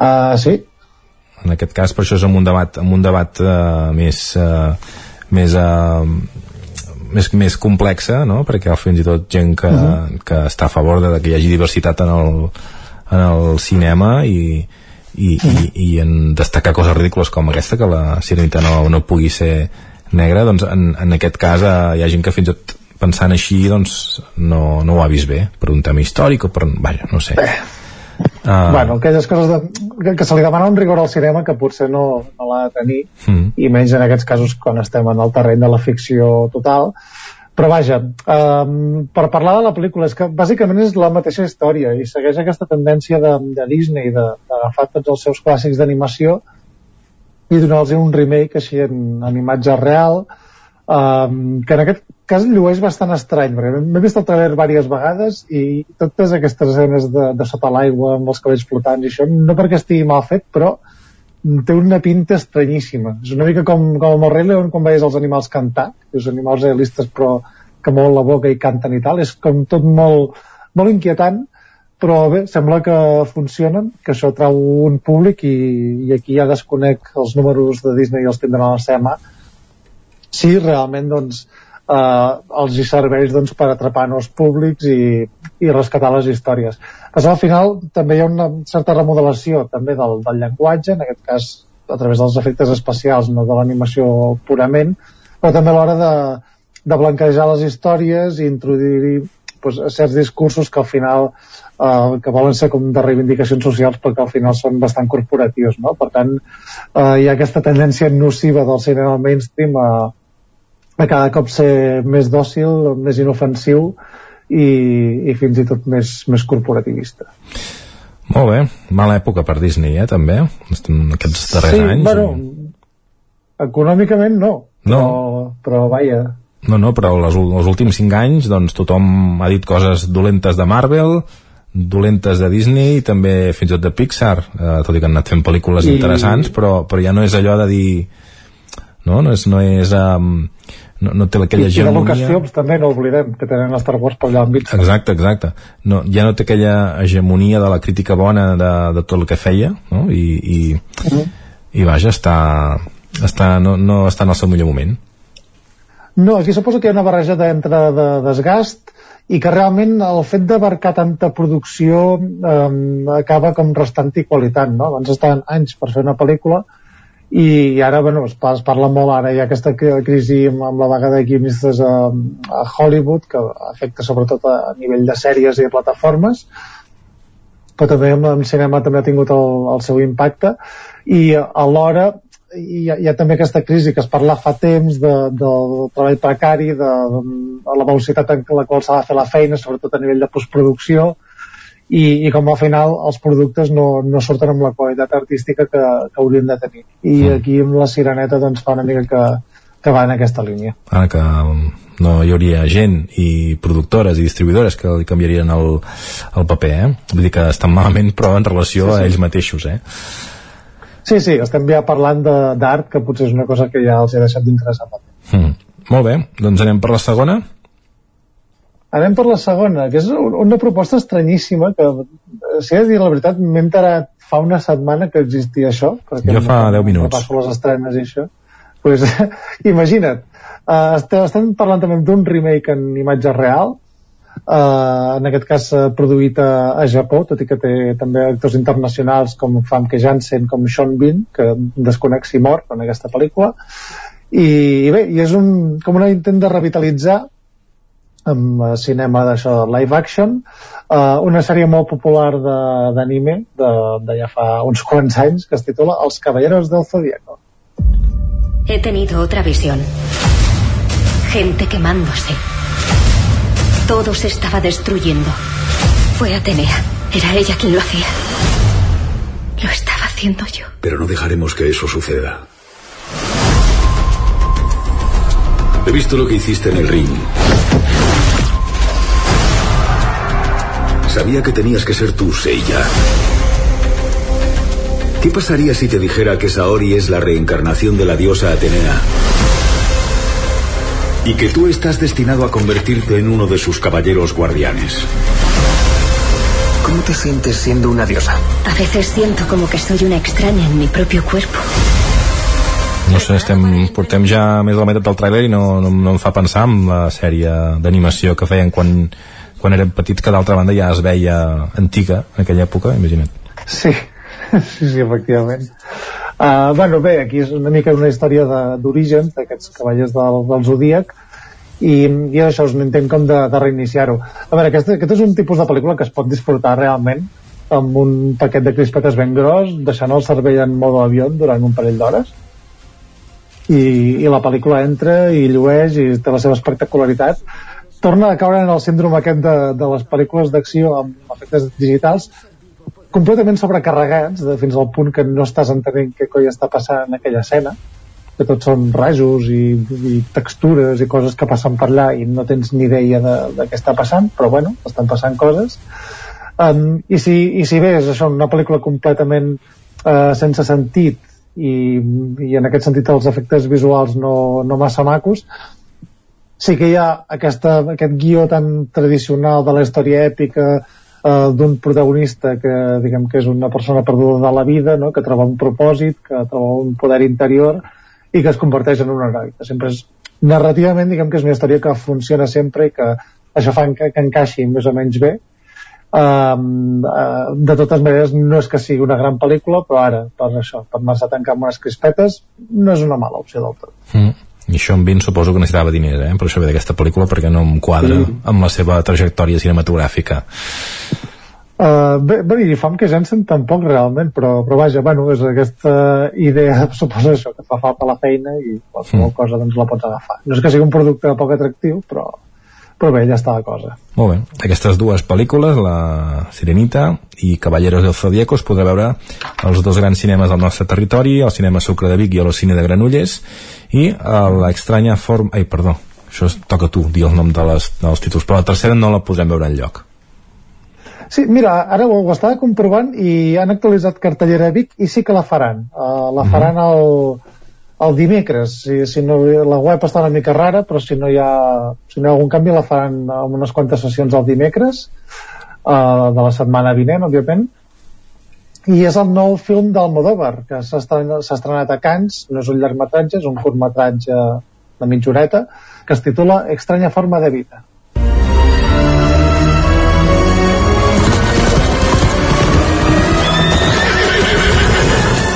She was a whore, father.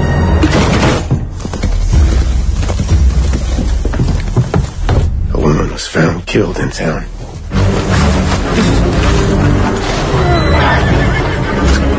Gairebé que ja no és ni, ni tràiler, no? Vull dir, són imatges de, així aleatòries del, sí, del clar, curtmetratge. Amb un, amb un curtmetratge sí, és més difícil fer-ne un trailer que sigui atractiu. Uh, però està bé, la, la trailer hi ha, hi ha com una certa contradicció també amb el que és la història, perquè al final és com una pel·lícula com molt anti-Almodóvar, eh? perquè el, el món del western és un món eminentment masculí, o com a mínim tradicionalment ho ha set, tot i que hi ha hagut, òbviament, les seves revisions, i, i diguem que, que el Almodóvar agafa això com un terreny de joc per, per fer la, la seva paròdia i donar-li la seva visió. Els protagonistes, que són Ethan Hawke i Pedro Pascal, són do, dos cowboys que es tornen a retrobar després de molts anys eh, i un va visitar l'altre perquè sempre han estat enamorats. Mm. I diem que amb aquesta història doncs, vol fer com aquest revers de, de la masculinitat associada al western Mm -hmm. um, jugant amb els elements clàssics però també posant-hi els seus ingredients no? i crida l'atenció que el cinema d'Almodóvar que sempre s'ha pensat molt en femení doncs en aquest cas és una pel·lícula eminentment uh, masculina i jugant amb aquests codis tan masculins amb, la, diguem, amb el sentit més tradicional de, de la masculinitat que s'està trencant i en el qual el Almodóvar també contribueix a, a fer-hi el, el seu joc i aquest trencament. Mm. Com a mínim ara ja tindrem dos exemples no, de, que, que barregin cinema eh, l'oest i, l'homosexualitat perquè tothom que li parli d'una pel·lícula de cowboys homosexuals tothom parlarà de, o tindrà al cap la mateixa no? però Bad Mountain Sí, sí, efectivament. Aquesta realment crec que té, té la seva relació amb Brokeback Mountain, tot i que Brokeback Mountain és un western modern que passa en el món més actual, aquest estem en l'oest clàssic, i, i, i sí que és veritat que, que el que era un, una tragèdia a dintre de, de Brokeback Mountain, una cosa com- completament fora de context, aquí realment té un gir i realment és un món feliç i possible, no? I és, és molt interessant jugar amb aquests codis i en aquest cas la proposta de, del Modover és, és molt interessant. Mm -hmm. Molt bé, doncs ja tenim les tres estrenes d'aquesta setmana i anem ja, com vam anunciar la setmana passada, a repassar el que ha estat el Festival de Cants d'aquest 2023. Sí, bueno, en, encara dura eh, el festival, però, mm. però bé, el, aquest, aquesta setmana que s'ha donat el, el gruix de, de la programació, Uh, simplement destacar-ne quatre coses perquè, repetim un, no estem a Cans, simplement anem seguint la, la qualitat i com vam anticipar el, els plats forts d'aquest cap de setmana van ser Indiana Jones i el diàleg del destí que es va estrenar allà amb crítiques bastant dolentes així d'entrada tot i així s'ha de dir que, que el que és el, el Festival de Cans no crec que sigui el millor lloc per, per promocionar una pel·lícula com aquesta i sortir-ne ben parat de totes maneres sí que hi ha crítiques positives parlant d'una bona pel·lícula d'aventures i, i d'una bona història del, del personatge no? molt, molt coherent amb, amb la resta de, de la saga i de com ha evolucionat fins al, al dia d'avui no? sobre que és Indiana Jones i què representa al llarg del temps i, i el temps justament és el concepte central de la pel·lícula. O sigui que haurem d'esperar fins al 30 de juny a veure-la encara però tot i així amb moltíssimes ganes. I crec que tot i que sortirà que va sortir amb un 30% a Rotten Tomatoes i aquestes coses um, encara hi ha allà brots verds i és una pel·lícula bastant prometedora. Molt bé, què més? Uh, també tenim el que sí que, que ha entrat amb gràcia, tot i que fora de competició, és Martin Scorsese amb Killers of the Flower Moon. Uh, la gent que l'ha vist acá ens parla d'obra mestra, la pel·lícula que vam parlar ja que duraria 3 hores i mitja, s'estrena a l'octubre, just després de, del seu pas pel Festival de Sant Sebastià, que segurament estarà allà. I, i bé, aquesta pel·lícula protagonitzada no per Leonardo DiCaprio, eh, que és una història sobre el, eh, diguem que el naixement d'Amèrica a costa de, dels nadius d'allà, tot, tot i que és una pel·lícula situada a principis del, del segle XX, eh? Uh -huh. uh, però aquesta és la temàtica doncs es veu que és bueno, de les grans obres mestres que ha fet últimament Scorsese, que jo n'hi contaria unes quantes, el que passa que potser no... sembla que no han tingut la, la mateixa repercussió. Molt bé. Anem per la tercera que vols destacar? Sí, anem per la tercera, que és uh, justament la, la que vam passar ahir, que és um, Asteroid City, que és aquesta col·lecció de d'estrelles de, de Wes Anderson, no? que ja s'ha acostumat a fer pel·lícules corals grandíssimes amb un repartiment d'estrelles que, que no té ni, ni Marvel ni Disney, que, que justament ara ho mencionàvem. Perdó. I, i se n'ha destacat sobretot que, um, que és un film que ja, ja sembla definitiu que, que Wes Anderson visqui en una bombolla i, i que s'hagi convertit en, en el meme en el qual eh, realment s'ha convertit a, a les xarxes, no? que tothom fa la versió de qualsevol cosa de, de Wes Anderson i cada cop és un cineasta eh, més descontextualitzat, vull dir, com és fora de, del seu temps, eh, qualsevol eh, comentari polític o social que pugui fer és completament ornamental i tot es basa en, en la seva estètica. En aquest sentit, mm, és una evolució de la carrera, crec que va arribar en, en aquest cas la seva cúspide amb el Gran Hotel Budapest i el que ha fet a posteriori a part de, de la Isla de Perros m'ha interessat menys a mi personalment i que Asteroid City segueix això aquesta línia de, de buidatge ideològic com per, per entrar ja en, en, en, una, en un món completament estètic com, com és el seu uh -huh. i amb una llarga a part de, de element, dels elements visuals no? d'aquest tractament, d'aquests colors i tot també aquesta llarga llista de, de noms espectaculars no? que, no sé com s'ho fa perquè per, normalment no, d'aquests actors que ens surten aquí en una pel·lícula podem, poden comptar amb 3 o 4 no? per pressupost o, o pel que sigui o per... Sí, suposo, suposo que aquí hi ha una mica l'efecte Woody Allen no? que és que tothom té ganes de treballar o tenia ganes de treballar amb, amb Woody Allen i, i quasi bé feien cua per entrar a les pel·lícules i que en aquest cas tots tenen papers petitíssims vull dir, potser són dos dies de, de rodatge, el que els hi toca, i sí que hi ha un parell de protagonistes, que en aquest cas són Tom Hanks i Scarlett Johansson, però bé, per la pantalla aquí es passegen a Margot Robbie, Jason Schwartzman, Adrian Brody, Tilda Swinton, etc etc etc. Vull dir que mm, una llista llarguíssima, però òbviament és això, una pel·lícula coral i cadascú diguem que té el seu paper. Mm -hmm. Molt bé, doncs seguim. Sí, i simplement per destacar al final de, de les pel·lícules que sí que estaven a la secció oficial, la que sembla que, que agafa la davantera com a mínim a nivell de premsa o de comentaris que han sortit del festival és Fallen Leaves d'Aki Kaurismaki uh -huh. uh, una pel·lícula bàsicament sobre una trobada entre dues persones i com això els hi canvia el món. Uh, històries humanes molt senzilles però que es, es veu que és d'aquelles pel·lícules optimistes que, que et deixen un gran regust de boca i a més a més el cinema de Kaurismaki que ja habitualment és, és sensacional doncs es veu que aquí brilla especialment per tant quan l'estrenin a les nostres sales ja, ja ens hi fixarem i ja en parlarem en detall molt bé. La última? No, ja està, ja està, era aquesta Fallen Leaves. Ah, vale, vale. Per cert, ah, sí, sí, d'acord. Molt bé. Sí, ara, ara no en tinc cap més, em puc tenir alguna de mànica, però aquestes ah. són les que volia destacar. Vale, doncs, doncs tu, tu ho respectem. Uh, anem a repassar la cartellera de la resta del cinema. Uh, Ripoll, Fast and Furious X. Sí, aquesta ja, bueno, ja en vam parlar la setmana passada, uh, estrenada això, just la setmana passada i aquesta ja la tenim a Ripoll.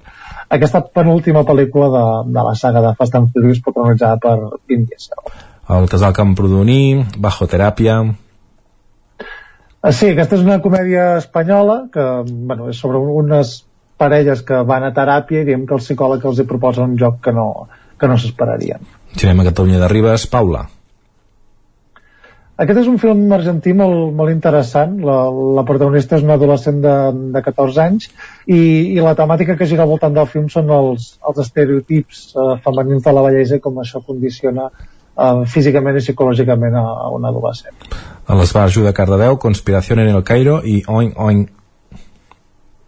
Oing és una de les pel·lícules infantils de l'any, una pel·lícula d'aquestes molt estil de Roald Dahl, de que no és condescendent amb els dents i, alhora és, uh, diguem que té la seva part de foscor i cruesa i alhora és una pel·lícula molt, molt bonica i molt vital, uh, molt recomanable, i Conspiració en el Cairo és una, una pel·lícula sueca sobre, bueno, és un thriller enfocat a això, a Egipte eh, on hi ha una relació de poder entre polítics i, i radicals religiosos molt bé, a l'Alter de Torelló París, Distrito 13 Sí, aquest és un film que ja també el, el van projectar fa no gaire per, per aquí al nostre territori i és un film de, de Jacques Audiard que analitza una mica les relacions personals i romàntiques en, en l'era de, de la tecnologia. No? És un film molt, molt curtet, molt sintètic i, i molt interessant.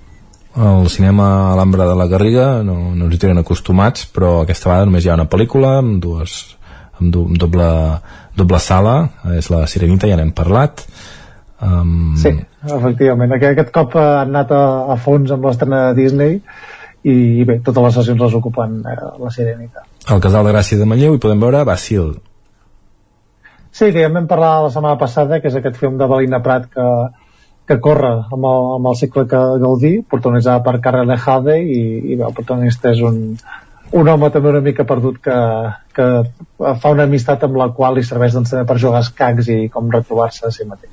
I també n'hem parlat ja moltes vegades al Cineclub de Vic, Suro, Sí, eh, Suro, que potser arriba tard dins del que seria la, la temporada d'estrena de, de, o de recorregut d'aquest film, però serà un assassí interessant per qui no l'hagi pogut veure o no l'hagi vist a plataformes. Eh, també hi haurà la presència del seu director, de Miquel Gorrea, que, que vindrà a comentar la pel·lícula i hi haurà una presentació i un cinefòrum posterior. Molt bé. Doncs Gerard, moltíssimes gràcies una vegada més. Uh, fins la setmana vinent fins la setmana que ve i a veure què ens depara la cartellera, a veure si s'acaba aquesta estènia primaveral. Segur que serà millor. Vinga, que vagi bé. Adéu, adéu. Territori 17 Doncs deixem enrere el cinema i encarem ara sí la rectíssima final del programa, la rectíssima finalíssima del programa amb l'Isaac Muntades i recomanant alguna sèrie, Isaac. Bon dia, Isaac. Doncs sí, ràpid, uh, ràpidament. Los pacientes del doctor García, que la trobareu uh, a Netflix. Res a veure amb el, uh, amb l'històric doctor García de Sant Joan de les Abadesses, eh? Exacte, res a veure amb l'històric doctor Garcia de Sant Joan dels Abadesses, però res, eh? Del nostre company en, en Joan Garcia. Uh, és un drama d'una temporada, d'uns 10 episodis d'una hora de durada. També està a Televisió Espanyola, em sembla, que també la podeu trobar a la carta, i bueno, es basa en aquesta novel·la de l'Almudena Grandes i parla del doctor Guillermo García que viu a, a Madrid no?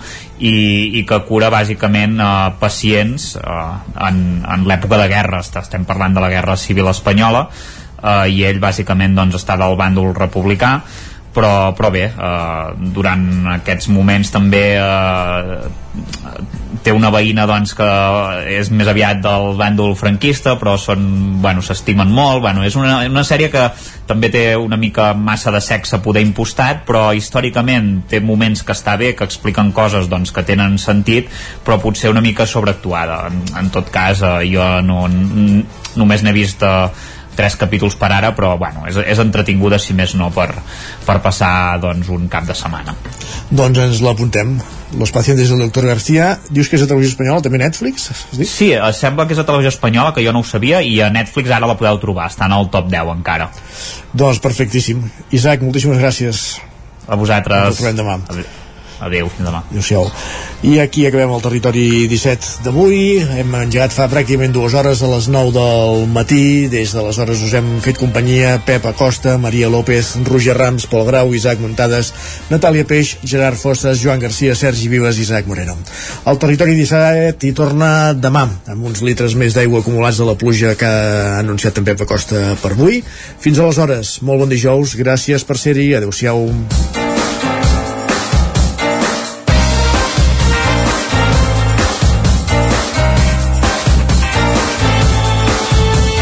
Territori 17, un magazín del nou FM. La veu de Sant Joan, Ona Codinenca i Ràdio Cardedeu amb el suport de la xarxa.